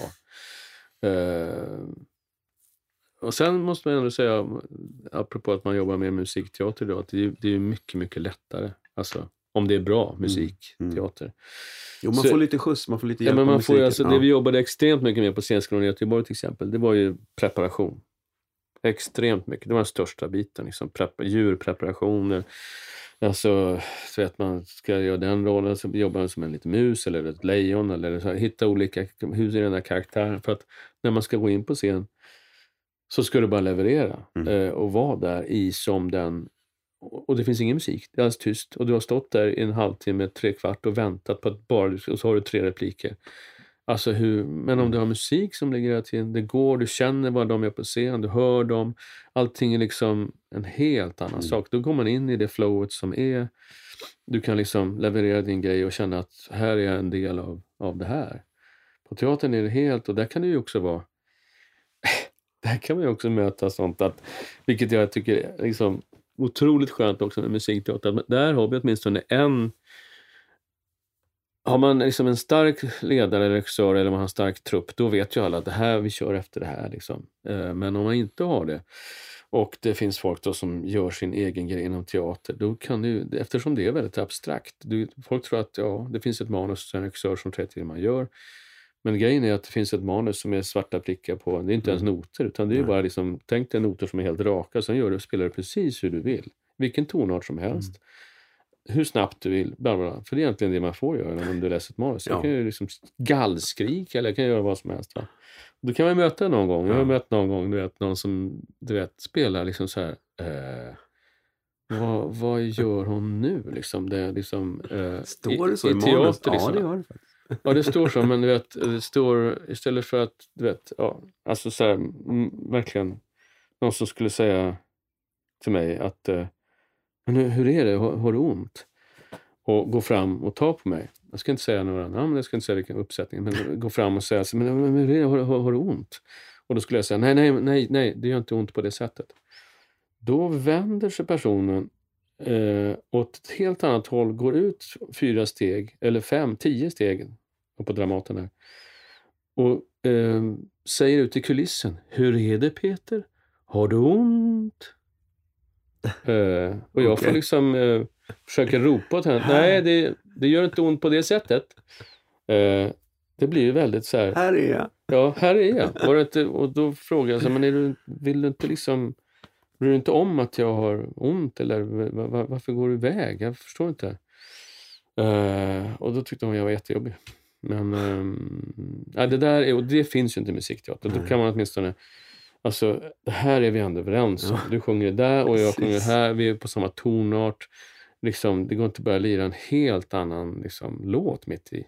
Ja, För då, blir det, då märks det och då Ja. tycker även publiken att det gjorde den här också. Det blev verkligen så här. Träligt. Träligt. Ja, Men eh, alltså när man gör, när, ni gjorde ju uruppsättningen av Kristina. Eh, det var väl en lång resa dit. Det måste ju ha känts, kändes det hela tiden som att det här kommer att bli en hit? Eller kändes det som att shit, vi kanske bara står och trampar i gyttja här? Bitvis. Kändes det från början att det här... För det Nej. var ju lite så här, det skulle ju bli en hit. Det var ju bestämt på något sätt. för mig var det så här att jag var ju på Dramaten eh, och fick höra att de skulle göra Utvandrarna. Liksom. Och jag hade redan innan förälskat mig i Bennys musik då, alltså inte Björn, Björn och Ben, alltså med ABBA, utan med Bennys när han hade börjat med Klinga mina klockor och de här. Mm. Och jag tyckte det var helt fantastiskt. Det vackraste jag hört. Så att när jag fick höra att de skulle göra det här ihop och, ehm, och utvandra den här storyn så tänkte jag bara, jag, bara för, jag kunde gjort vilken liten roll som helst. Det var liksom bara, om jag bara fick vara med. Så att jag gjorde en audition som alla andra tusentals sökande. Som din kära hustru också. Och eh, så när vi fick det med, och så kände jag bara att äh, men det här... Och sen hörde jag musik. Alltså samma dag som Ben ringde till mig på Dramaten och, så, och sa att eh, om jag var intresserad. Och jag trodde ju att jag skulle göra eh, min bror, eh, Robert. Robert. För jag hade ju sett filmerna. Jag tänkte, Ja. jag är ju ingen liksom, Max von Sydow-typ. Jag tänkte, vad fan, Nej, just det här är väldigt... Färgad av den Ja, bilden. totalt. Eh, liksom. Så att eh, det här, va? Jag, så jag höll på att tappa Oskar, ska jag göra, ma- jaha. Eh, ja, och då så kan jag komma och bara komma till dig. Och, ja, så jag sprang efter, vi hade en tidig föreställning, spelade en familjemusikal på Dramaten. Så sprang till honom, kommer jag ihåg nästan i princip. Eh, och så spelade han upp alla de låtar som fanns. På, alltså instrumentalt Mm. på sin flygel hemma i sitt hus. Det var vilken upplevelse. Då kände jag bara att här, om inte det här blir bra, då är jag ju farfar Jinko. Så att ja, det kände jag. Men sen så blev det ju det att alltså, det var ju inget litet, och det fortsatte ju vara så. Det, det ansvaret och den pressen som alla kände tror jag var så här. Eh, ja, precis. Och det är också så, som det fortfarande är idag. Alltså, nu ska jag göra en ny nyskriven musikal som är, Mm. du vet, de har ju sålt massor med biljetter men ingen vet Den vad det är. Det finns ju inte. Alltså, No pressure. Mm. Men det berättar ju också Lars eh, Rudolfsson om att eh, de kände precis samma sak. När de hade gått ut med ansökan och när vi hade liksom i princip tackat ja, så här, ja då började de med ett nytt manus. Det fanns ju liksom inte, för början från början. Och eh, då var det ju liksom halva världen skulle komma och kolla på det här. Och, eh, så att jag tror att alla, nej det var alltså, och sen så skrevs det, första genomdraget var väl sex och en halv timme. Mm. Ja, och, eh, och herregud som vi jobbar. Det var ju, det var ju inte klokt alltså. Men jag kände hela tiden att det kommer att bli så bra så att det, det, Ja, ja. det blev det ju. Ni vart ju ett gäng också, samma där, som växte ihop. det kan man väl lugnt säga. Ja. Och, jobba, så, och sen kände jag, och jag själv kände ju, bara för att jobba med Helene så var ju det som vi fann ju varandra så otroligt Ja. från första stund. Första gången vi sjöng den där på kontoret så bara, uh, hur man blir helt, och då kände jag att det här kommer i alla fall, det är ju fantastiskt.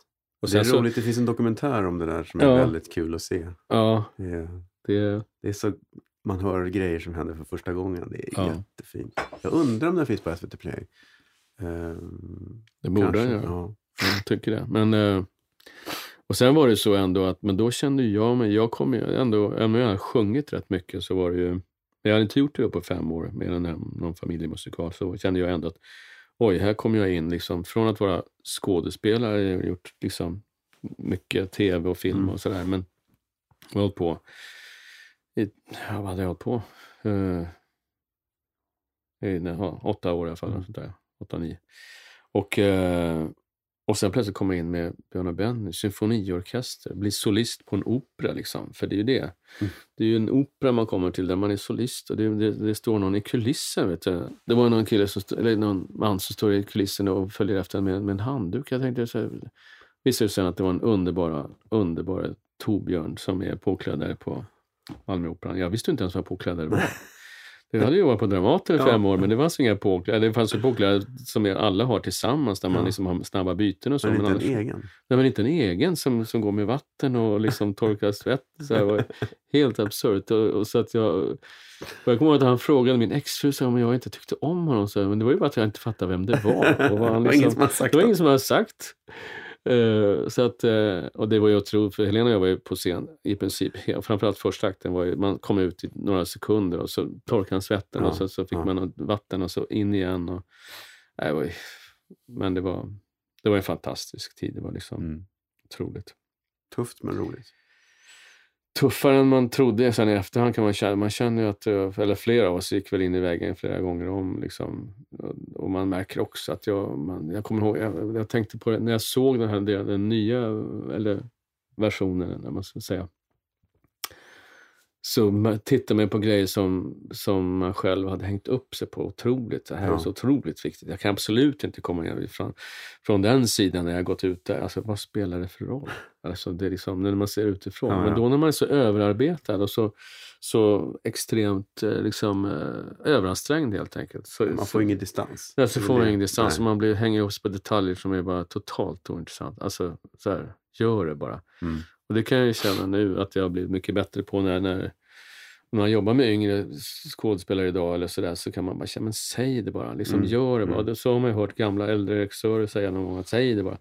Alltså vad är det för disrespekt? Men det är inte det, utan det är ju just att, att det spelar ingen roll. Nej. Alltså publiken köper så mycket mer om man bara liksom men alltså, jag hänger upp mig på en sån här logiska kullerbyttor då. Liksom att, Ja. ja. ja, jag gick ut till höger så måste jag komma in från höger. Ja. Eh, liksom, ja, varför det? Men känner du att du har fått mer eh, med åren? Mm. Så jävla gammal.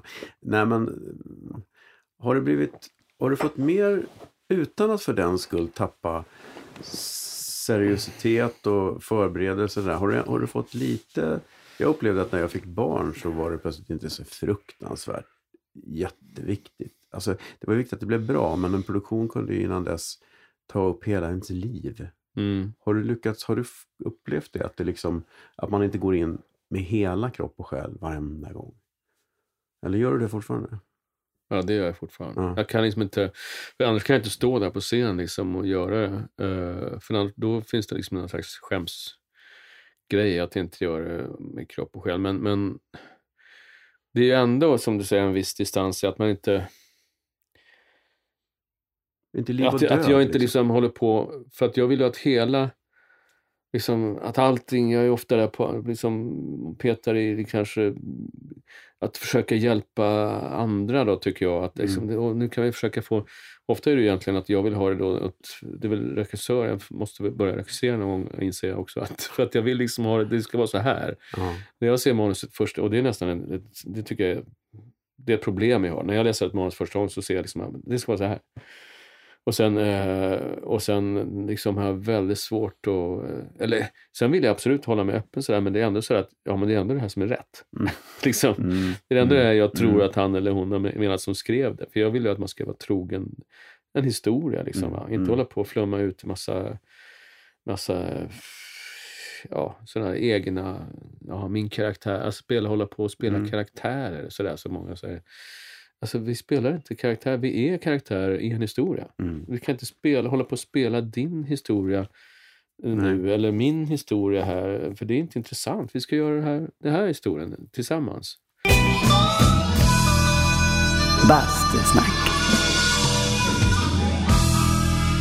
Men har du inte funderat på allvar då? Att göra det? Regissera? Jo, absolut.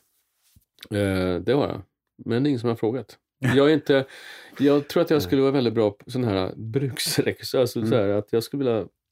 Får jag en uppgift, absolut, då skulle jag göra det fullt ut. Men sen, jag är inte, jag är inte heller som skådespelare heller den som brinner för att stå på scen så att säga. Så att jag kan ju känna att jag... Jag hade jobbat otroligt mycket mer om jag hade varit sån som, som verkligen... Åh gud, jag måste... Och sen är det ju så att man har gjort så... Alltså bara de där åren med Björn och Benny och, Ja. och alltså Duvemåla och Chess, eller den här pressen man hade. Och, så känner man att man har liksom nästan har gjort för ett liv. Det känns Ja. som att man har gjort grejer så att det är liksom inte... Och sen är det klart att man har gjort saker så det känns att det är svårt att... Det är svårt att toppa det på ett sätt, men det är också svårt att känna att jag måste, jag måste bevisa. Jag har ingenting att bevisa, känner jag.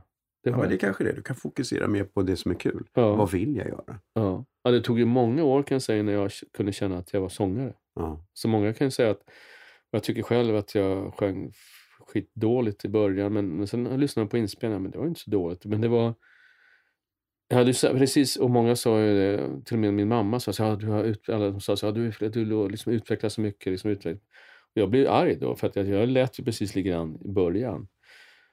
Det gjorde jag inte, för att jag hade egentligen samma instrument, men jag kunde inte spela på det Mm. på det sättet. Jag kunde ibland, men, men jag var så nervös. Va? Första två åren fortfarande så var jag så osäker på, på, på att jag dög som sångare i det här gänget. Liksom, va? Med Helen och... och eh, det var mycket enklare när vi sjöng våra duett, för då, då var det så, så på riktigt, så på riktigt. Men när det gällde så, man var mer, mer liksom när det var När det var, eh, ja plötsligt en, man kunde få en bara total noja när jag skulle sjunga min stora, på båten där, stanna liksom. Mm. Eh, egen eh, aria som de kallar det för på operan. Liksom. Eller när man gjorde de här stora konserterna med, med plötsligt har man 90 man symfoniorkester när man Precis. kommer från De är ju faktiskt Göteborg. utbildade i musik. Ja visst, precis. Så står man där längst fram och sen nu är det helt tyst. Och så börjar det nu. Alltså jag kunde ju, det var helt... Nu idag tycker jag det är en njutning, fantastiskt att få jobba med stora orkestrar. Men då var det bara, och då hade, när jag hade väldigt många möjligheter, skulle jag kunna gjort det mycket mer, eh, så tyckte jag det var helt en pina. Fruktansvärt. Det är svårt med sång för att det finns ju oftast ett facit där på ett annat sätt. Att det här är rätt. Det är ju det. Alltså det, när vi pratar om det här så det Ja. verkligen att folk märker ju, sitter det folk Mm. ute så märker de ju direkt Mm. att eh, det här är ju... Just nervositet är ju så oerhört svårt att dölja i sång. Ja. Man kan få ut det. Jag har ju Ja. jobbat mycket med att, liksom då, för där har jag jättemycket nöjd, eller vad heter det, nytta av Göteborgsskolan. Att, att hur ska jag få ut den här energin? Mm. Det måste vara på att jag ser ett ansikte framför mig. Att jag vill få, även fast jag är ensam där, att jag vill få den här personen att förstå. Eller, den här, eller de här personerna. Eller, eller i vissa fall publiken. Men ofta har jag jobbat med pjäser, musikaler som inte är liksom direkt riktade till publiken. Och då blir det väldigt konstigt. Mm. Fast det, tyvärr så ser man det väldigt ofta idag i musikal att det, det, folk riktar sig till publiken. Ja, det är solen över. Åh, jag hatar det. Det är, Ja, mm. Jag blir helt knäckt. Men liksom när, när det ska vara så, jättekul. Sån musikal är sån musikal. Men, men när det är liksom en riktig historia så plötsligt så ser man att oj, nu söker han eller hon jobb. Så känner jag. ja, Ja. precis. Nu, vill, eller nu har han eller hon gjort en singel. Ja, precis. mm. Och Men om- glömmer allt. Men om du Liksom. tittar tillbaks till saker och inte får säga Kristina från Duvemåla. Vad är det du känner att fan, det här landade jag jävligt bra. Det här är jag stolt över. Eh, ja, både Midsommarnas dröm som var, var så det i, Na- i Backa, Ja. i Nacka. I Nacka. Nacka teater. Ja. Eh, som var det för, första då. Och sen var det Jekyll Hyde som jag gjorde i eh, Norrköping och Linköping. Det var en ballaste roll, alltså man Mm. säger roll, som jag har gjort. Och den, där, och när man fick snacka om att sjunga livet ur så liksom, Mm. eh, det var... Och sådär, som jag älskar att göra då, det här eh, två, två figurer som jag kanske känner igen mig lite i, att man är... Man har liksom det här svarta och vita i sig. Mm. Som är, det var en väldigt härlig grej. Liksom. För när man liksom, man hörde någon, det var någon sån här, jag gjorde, först var jag ju då den fina Dr Jack då, och, så, och jag sjöng låtar där och man jag kände faktiskt, det satt någon, någon äldre dam där på andra bänk som, och det var väldigt nära det här på, jag tror om det var Linköping, eller en liten teater. Ja. Och sen så, eh, ja, så sjöng jag och man såg, åh, de tyckte det var fint, det var fin väst, sån här guldväst, väldigt fint klädd och sådär. Och sen så, och så plötsligt kommer en förvandling, jag förvandlas till, till Mr, Mr Hyde. Och i en låt liksom. Och sen så sjunger halva och då är det fortfarande Jekyll. då. Men sen så böjer jag mig ner och så så kommer det sån här durdum, durdum, en bas och så böjer jag upp ansiktet. Och så, liksom, då är jag bara, en- det är ingen stor skillnad, man har fått ner håret och så har jag en helt annan blick plötsligt. Så tittar jag ut så hör jag, så blir det bara helt tyst och så hör man den här damen säga usch. usch. och, då, och så har man flera som har svårt att hålla sig liksom. Hon bara, det kom bara rätt ut. Usch. Men då har du ju lyckats Ja. fullständigt. Ja, visst. Det är bättre betyg Ja, kan man visst, inte där få. satt den liksom. Det är det. Usch. Ja. Bastusnack. Vad känner du att du har kvar då? Vad har du inte fått göra? Du har gjort väldigt mycket olika. Du har ju spelat talteater, musikal, du har gjort plattor, du har gjort olika konsertturnéer. Ja. Alltså, jag har tänkt på att jag har gjort mycket sådana här, bara som en liten passus, det var, det var så roligt det här med det, det, det, det ja, det hebreiska, eller det, det, det, vad heter det, Mm, Bibelns historia. Jag har alltså spelat i olika former då. Jesus, eh, Moses, Judas, Gud Du har liksom gjort och Karl-Oskar. Och Karl-Oskar. Ja. Mm. Nej, men det, Jesus var i och för sig bara som en sån här lergubbe du vet, på sån här te- tecknad film. Men ändå, det var roligt. Nej, men alltså ha kvar, det är ju... jo, men jag skulle då gärna ha regisserat till exempel. Mm. Eh, Det har jag gjort lite grann i, liksom, i och sen har jag regisserat så säga, mig själv i alla mina julturnéer och, och liksom eh, producerat och, och gjort så här, och gjort videos och allt sånt där. Men, men eh, det skulle jag gärna göra, för jag älskar att jobba och försöka hjälpa och hitta liksom essensen i, i en text. Mm. Sådär. Det hade varit kul. Och nu ska du göra en annan film på scen. precis. En, apropå Utvandrarna duvorna. ja. Nu, Ja. nu blir den återigen. Det blir spännande. Jag Ja. har faktiskt inte hört eller sett någonting. Alltså det är, alla Det är väldigt så? hemligt. Ja, lite grann har jag naturligtvis sett så att jag vet liksom. Men, men inte... Du har inte hört musiken Jag har inte hört musiken. Oh. För er nytillkomna poddlyssnare då, så vi kan säga, så handlar det om Så som i himlen. Ja. Mm. Men det är ju höst. ja, det är höst. Vi ska börja repetera om några dagar. Okej. Så att eh, vi ska ha workshop. Eftersom det är en nyskriven grej så det förstår jag att de Ja. inte vill att man ska liksom komma med förutbestämda. För så ändras hela tiden manuset. Och, och eh, då kan det lätt bli att, ja men har ni tagit bort det här som, som jag skulle göra? Liksom. Och Mm. det är, för det är viktigt att det blir återigen historien som ska fram, inte kanske någon specifik karaktär. Nej. Spännande. Det är ju skitspännande. Ja, det blir jättekul. Uruppsättningar är kul. Mm. Jag gillar det. Det gjorde jag nu Ja. sist också med Ja. Bläck eller blod. Och Ja. jag älskar att göra sådana saker som, som inte har gjorts. Eh, Det är rätt jobbigt om man kommer in på det där med de här gamla... eh, Ska vi komma in på det där med den här skämskudden? Ja, det kan vi göra. Ja. Det har blivit dags för Skämskudden. Herregud vad pinsamt. Skämskudden. Inte den där gamla demon. Eh, det var så här att eh, eh, apropå de här gamla då, musikalerna som har gått länge och sådär som finns eh, i olika versioner. Så ju- och, och jag har ju blivit kontaktad och, och själv kontaktad också, men då när vi gjorde Evita för massa år sedan så var den, den engelska, som fortfarande är musikaliskt ansvarig för, för Fantomen, ville att jag skulle, kan inte du komma och provsjunga för, för det här eh, Fantomen då i London. Och, eh, och på den tiden, och nu också, tror ju alla att, att, eh, att det är fantastiskt att komma dit och sådär. Och det är det ju för ens egen skull om man, om man tycker att det är en del i. Och det är en otroligt bra... Nu har jag jobbat med engelsmän i många andra versioner och gjort liksom konsertturnéer med, med sådana uppsättningar och så här. Men de har ett väldigt annorlunda upp, arbetssätt som jag är ganska främmande inför. Det här hierarkiska, otroligt alltså, Oerhört. Mm. hierarkiskt. Jag har väldigt svårt för det. Jag tycker att det är liksom... Ja, man skiljer ju på danserna, ensemblen. Ja, att de får inte ens prata med Nej. vissa. Men ja, det är så korkat så att, Mm. ja. Hur som helst så ville han gärna att jag skulle göra det och jag insåg kanske inte då hur stort det var. Och jag skulle precis, eh, jag skulle precis göra Chess eh, i Stockholm. Och jag tänkte, men här, nej, men det har ju det här. Och det liksom, så jag tänkte, nej, men det, det är liksom inget, det, det, det är inte så viktig, kul grej för mig. Eller jag, jag, jag tackade i princip nej, men jag sjöng lite för honom då. Va? Och då skulle han liksom ändra på mitt sätt att sjunga hela tiden. Då skulle, nej, men jag kunde inte sjunga mer så här. Nej, men jag sjunger ju, jag kan absolut göra mera operaartat. Jag gör ju till och med min sista skiva här nu så sjunger jag opera för första gången.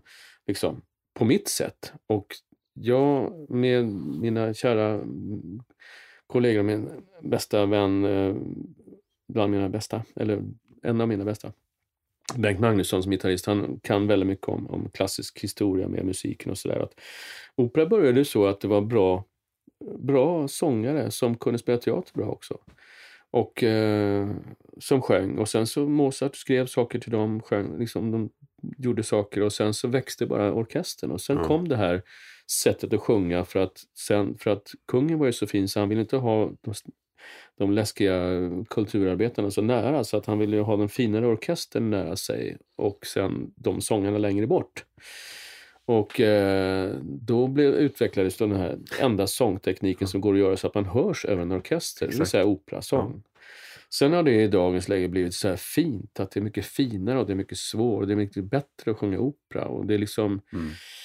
Och den här Fantomen på Operan är ju då en sån slags version av det och han tyckte jag skulle sjunga liksom mera operaartat. Och vad han är den här engelsmannen, han är en supertrevlig person men han har egentligen, tycker jag, inte liksom riktigt känsla för feeling som jag brukar säga musikaliskt. Han har liksom, märker inte att jag gör, sjunger ju någonting på riktigt. Det ska ju vara på riktigt.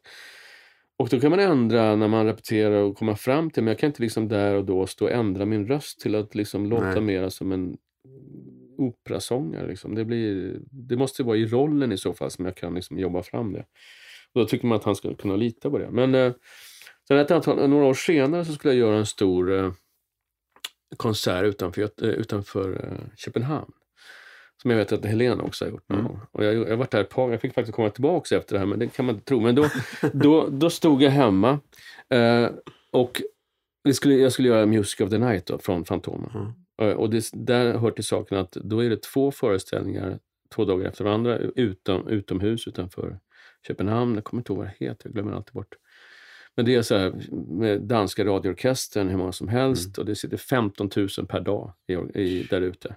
Och så filmas det också, inte för att sändas direkt, men det är stora filmkameror framför, eller så här tv-kameror, för att de sänder ju på såna här Storbild. Ja. Ja. videoprojektorer. Och så de även då sparar det till.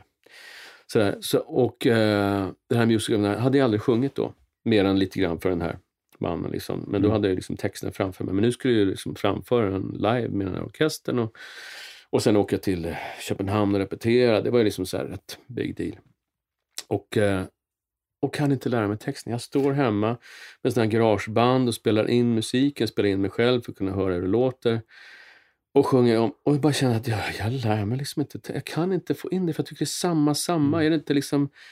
Eh, och liksom, ja, till slut så, så, ja, så tycker jag i alla fall att det sitter. Så att då åker jag till eh, Köpenhamn, kommer dit, eh, sjunger där. Och det är ganska uppställt där också. Det är liksom så här, man, liksom, det är danskar och man, de pratar engelska med en. Och, och man försöker få till det där. Och så jag, jag känner att nej, jag kommer bli, jag är för nervös. Alltså, det här, Mm. jag, för jag, fortfarande har jag textnoja. Så att det, efter att ha blivit drabbad av, på Dramaten med, av scenskräck så ligger det som en, som Mm. en liksom... Och de har inga prompters eller någonting Nej, de har nej. liksom inte det. Och, eh, men då så här, kan ni trycka upp, så de tryckte upp texten till mig i såna Ja. stora, som jag la på scengolvet, liksom, stor, stor text.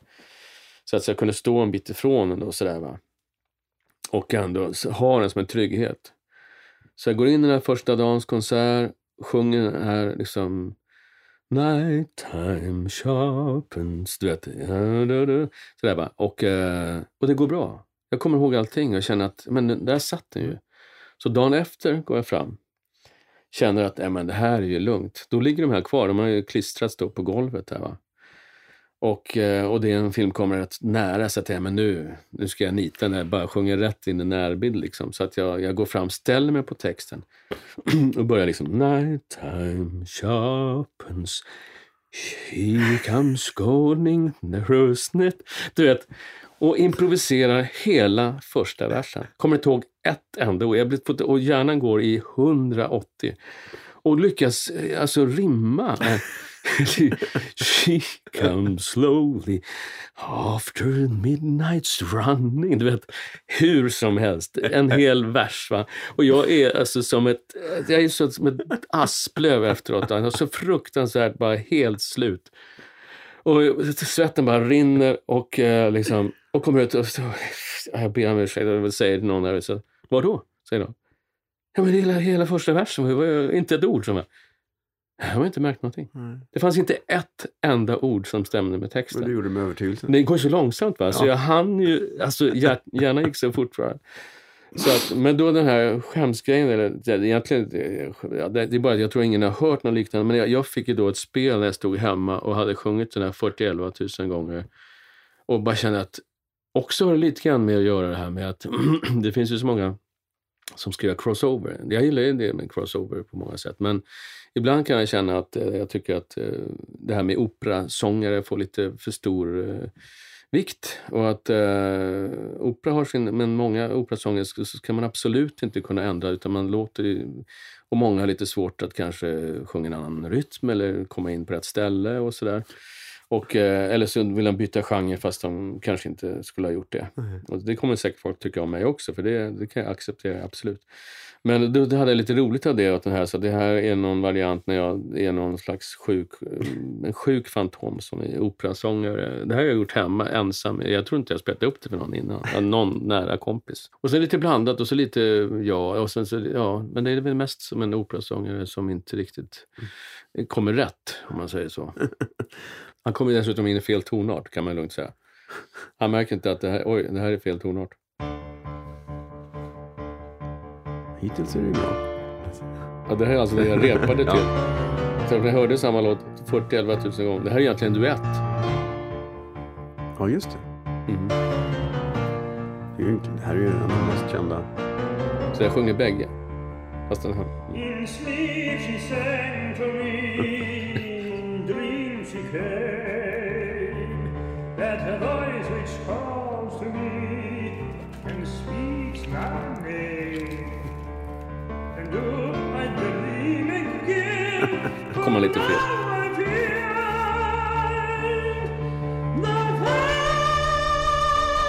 the upper rising Mm.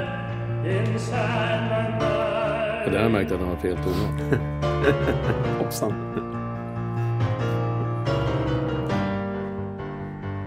Sing once again for me with me are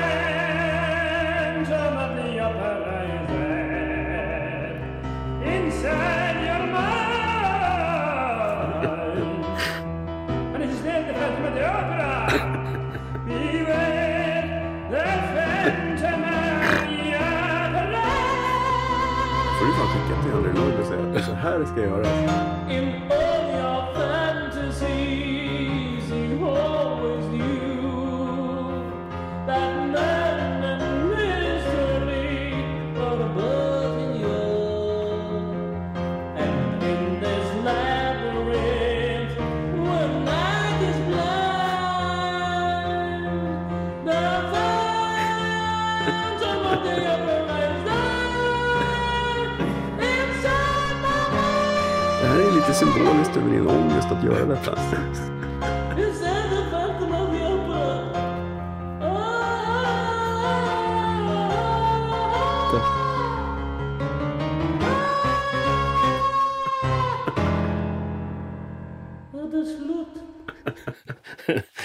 Ja, Jag förstår din... eh, det är faktiskt så. Det speglar min inre ångest där över att göra detta. Jag fick ut lite. Bastusnack. Men egentligen, så när du frågar om Ja. det där med att vad jag skulle egentligen vilja göra, det är ju det att göra något roligt. Liksom. Ja. Egentligen eh, så tycker en del att jag är rolig. Sådär. Och, och, eh, och eh, jag har ju varit med i några sådana här program, men jag känner att jag, det går lite, eh, jag vet inte, det, jag är väldigt seriös i mitt yrke och, och som person också. Liksom. Att, men man behöver inte vara allvarlig för att man är seriös. eh, jag. Nej, man kan ju... Det är för många komiker som är ytterst seriösa i det Ja. de gör. Så det... Så att jag tror att ofta så, så ja, det tycker jag var skitkul att vara med, med i sådana här eh, sammanhang där, där det är Ja. kanske revy eller, eller eh, göra sådana grejer. för det har du inte gjort. Nej, Nej. det har jag inte gjort. Men det är inte, och det är inte frivilligt. Det är inte så att du kände att det blir för likt farsan. Att gå in i... Nej, Nej. inte nu längre. Det hade varit det in- innan. Ja. Men det är också det här med, jag kom ju helt ifrån det eftersom jag från början kan man ju säga med, med Backateatern började med musik och sen eh, och lite, men då var jag ju inte sångare kan man inte säga direkt, men sen blev jag ju sångare i och med Duvemåla och, Mm. och det här. Så, så att, och då kändes det liksom att men nu är jag ju helt fri från, från det. Nu, kan, nu är jag... Nu är liksom- du en egen. Ja, nu är jag en egen. ja. Men du Apropå- jobbar på en skiva? Ja, jag har redan spelat in den. Vi Jaha. spelade in förra året. Vi gjorde Ja. en, en konsert. Jag var ju i eh, Jönköping och jobbade med eh, Spelman på taket. Mm. Eh, och ehm, då så fick jag så bra samarbete med Björn Dobelär då, som är dirigent, var dirigent där. Och, eh, så vi bestämde att vi ville göra ett samarbete tillsammans som vi kallade för klassiker, som då skulle vara klassiker från. Och han tyckte ju att men du kan ju sjunga som olika genrer, Mm. liksom på riktigt. Så han övertalade mig att vi skulle göra sju genrer på fyra olika språk.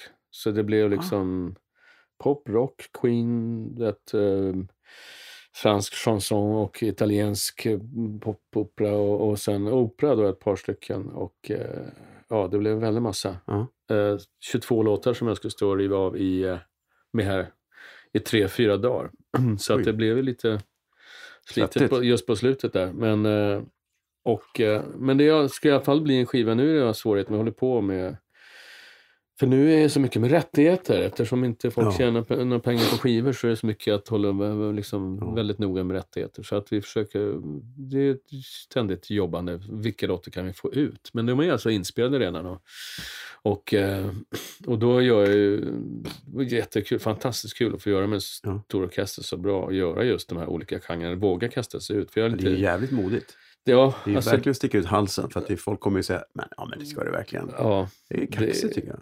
Ja, det är ju. Det är liksom, eh, men jag tycker också när man Mm. hör så många andra som gör det som jag tycker inte gör det bra så kan jag väl åtminstone få göra det halvbra, hoppas jag.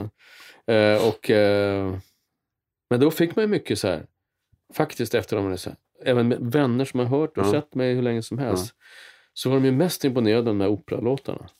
Som jag vet att många operasångare kommer att tycka är förfärligt för att det är inte opera eh, röst riktigt sådär. Utan det är, men jag tror att det är faktiskt så som de sjöng från början. Och eh, enligt då många andra som, alltså mer på, på med, med en, ja, en blandad röst om man säger så. Att det inte hela tiden ska sitta sådär som jag på skoj här liksom sjunger liksom. Utan det är, det är mera sådär. Och, men då, då säger de att ja, det tyckte de var mest imponerande. Fast jag själv tycker att jag kanske här franska chansonslåtarna, att jag liksom klämt in med på franska och Ja. med någon slags mening i. Med någon eh, tolkning, precis. tyckte jag var kanske lite svårare. Men jag tycker någonstans att antingen får man feeling för en låt eller så får man det inte. Det Mm. finns ju bara två sorters Mm. musik. Bra musik, dålig musik. Mm. Eh, Men sen absolut så är det ju så att jag själv tyckte om de här låtarna. Det är ju sådana som har gett en feeling från när man var liten. Liksom. Ja. Men Och det då är det att sjunga på, ja, den ena är Sången till livet Ja. Och den andra är eh, Una fortiva lagrima. Sån här, oj.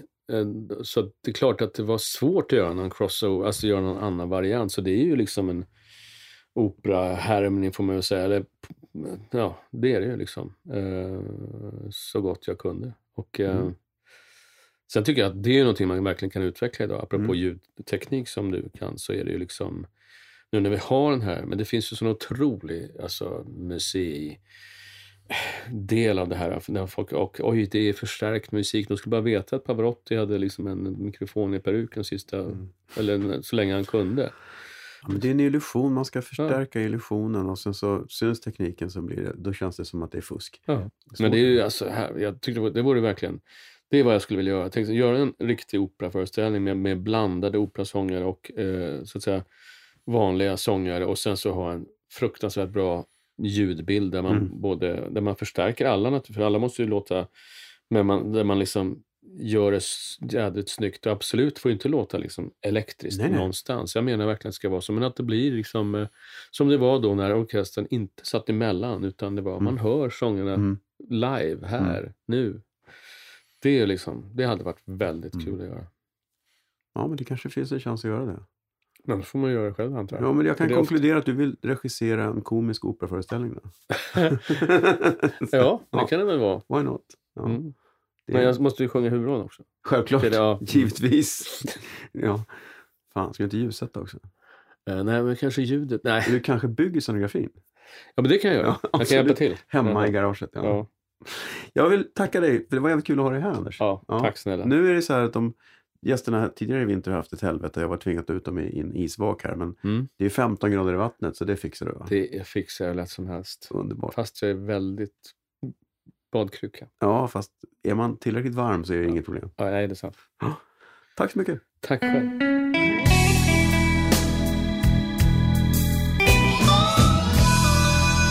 Bastusnack.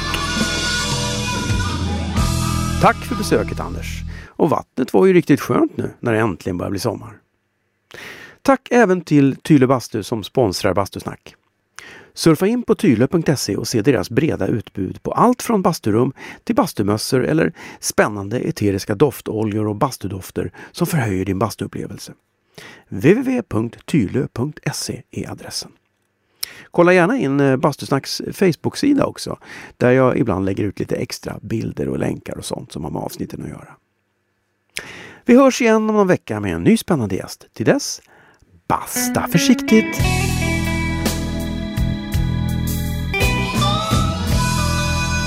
Bastusnack.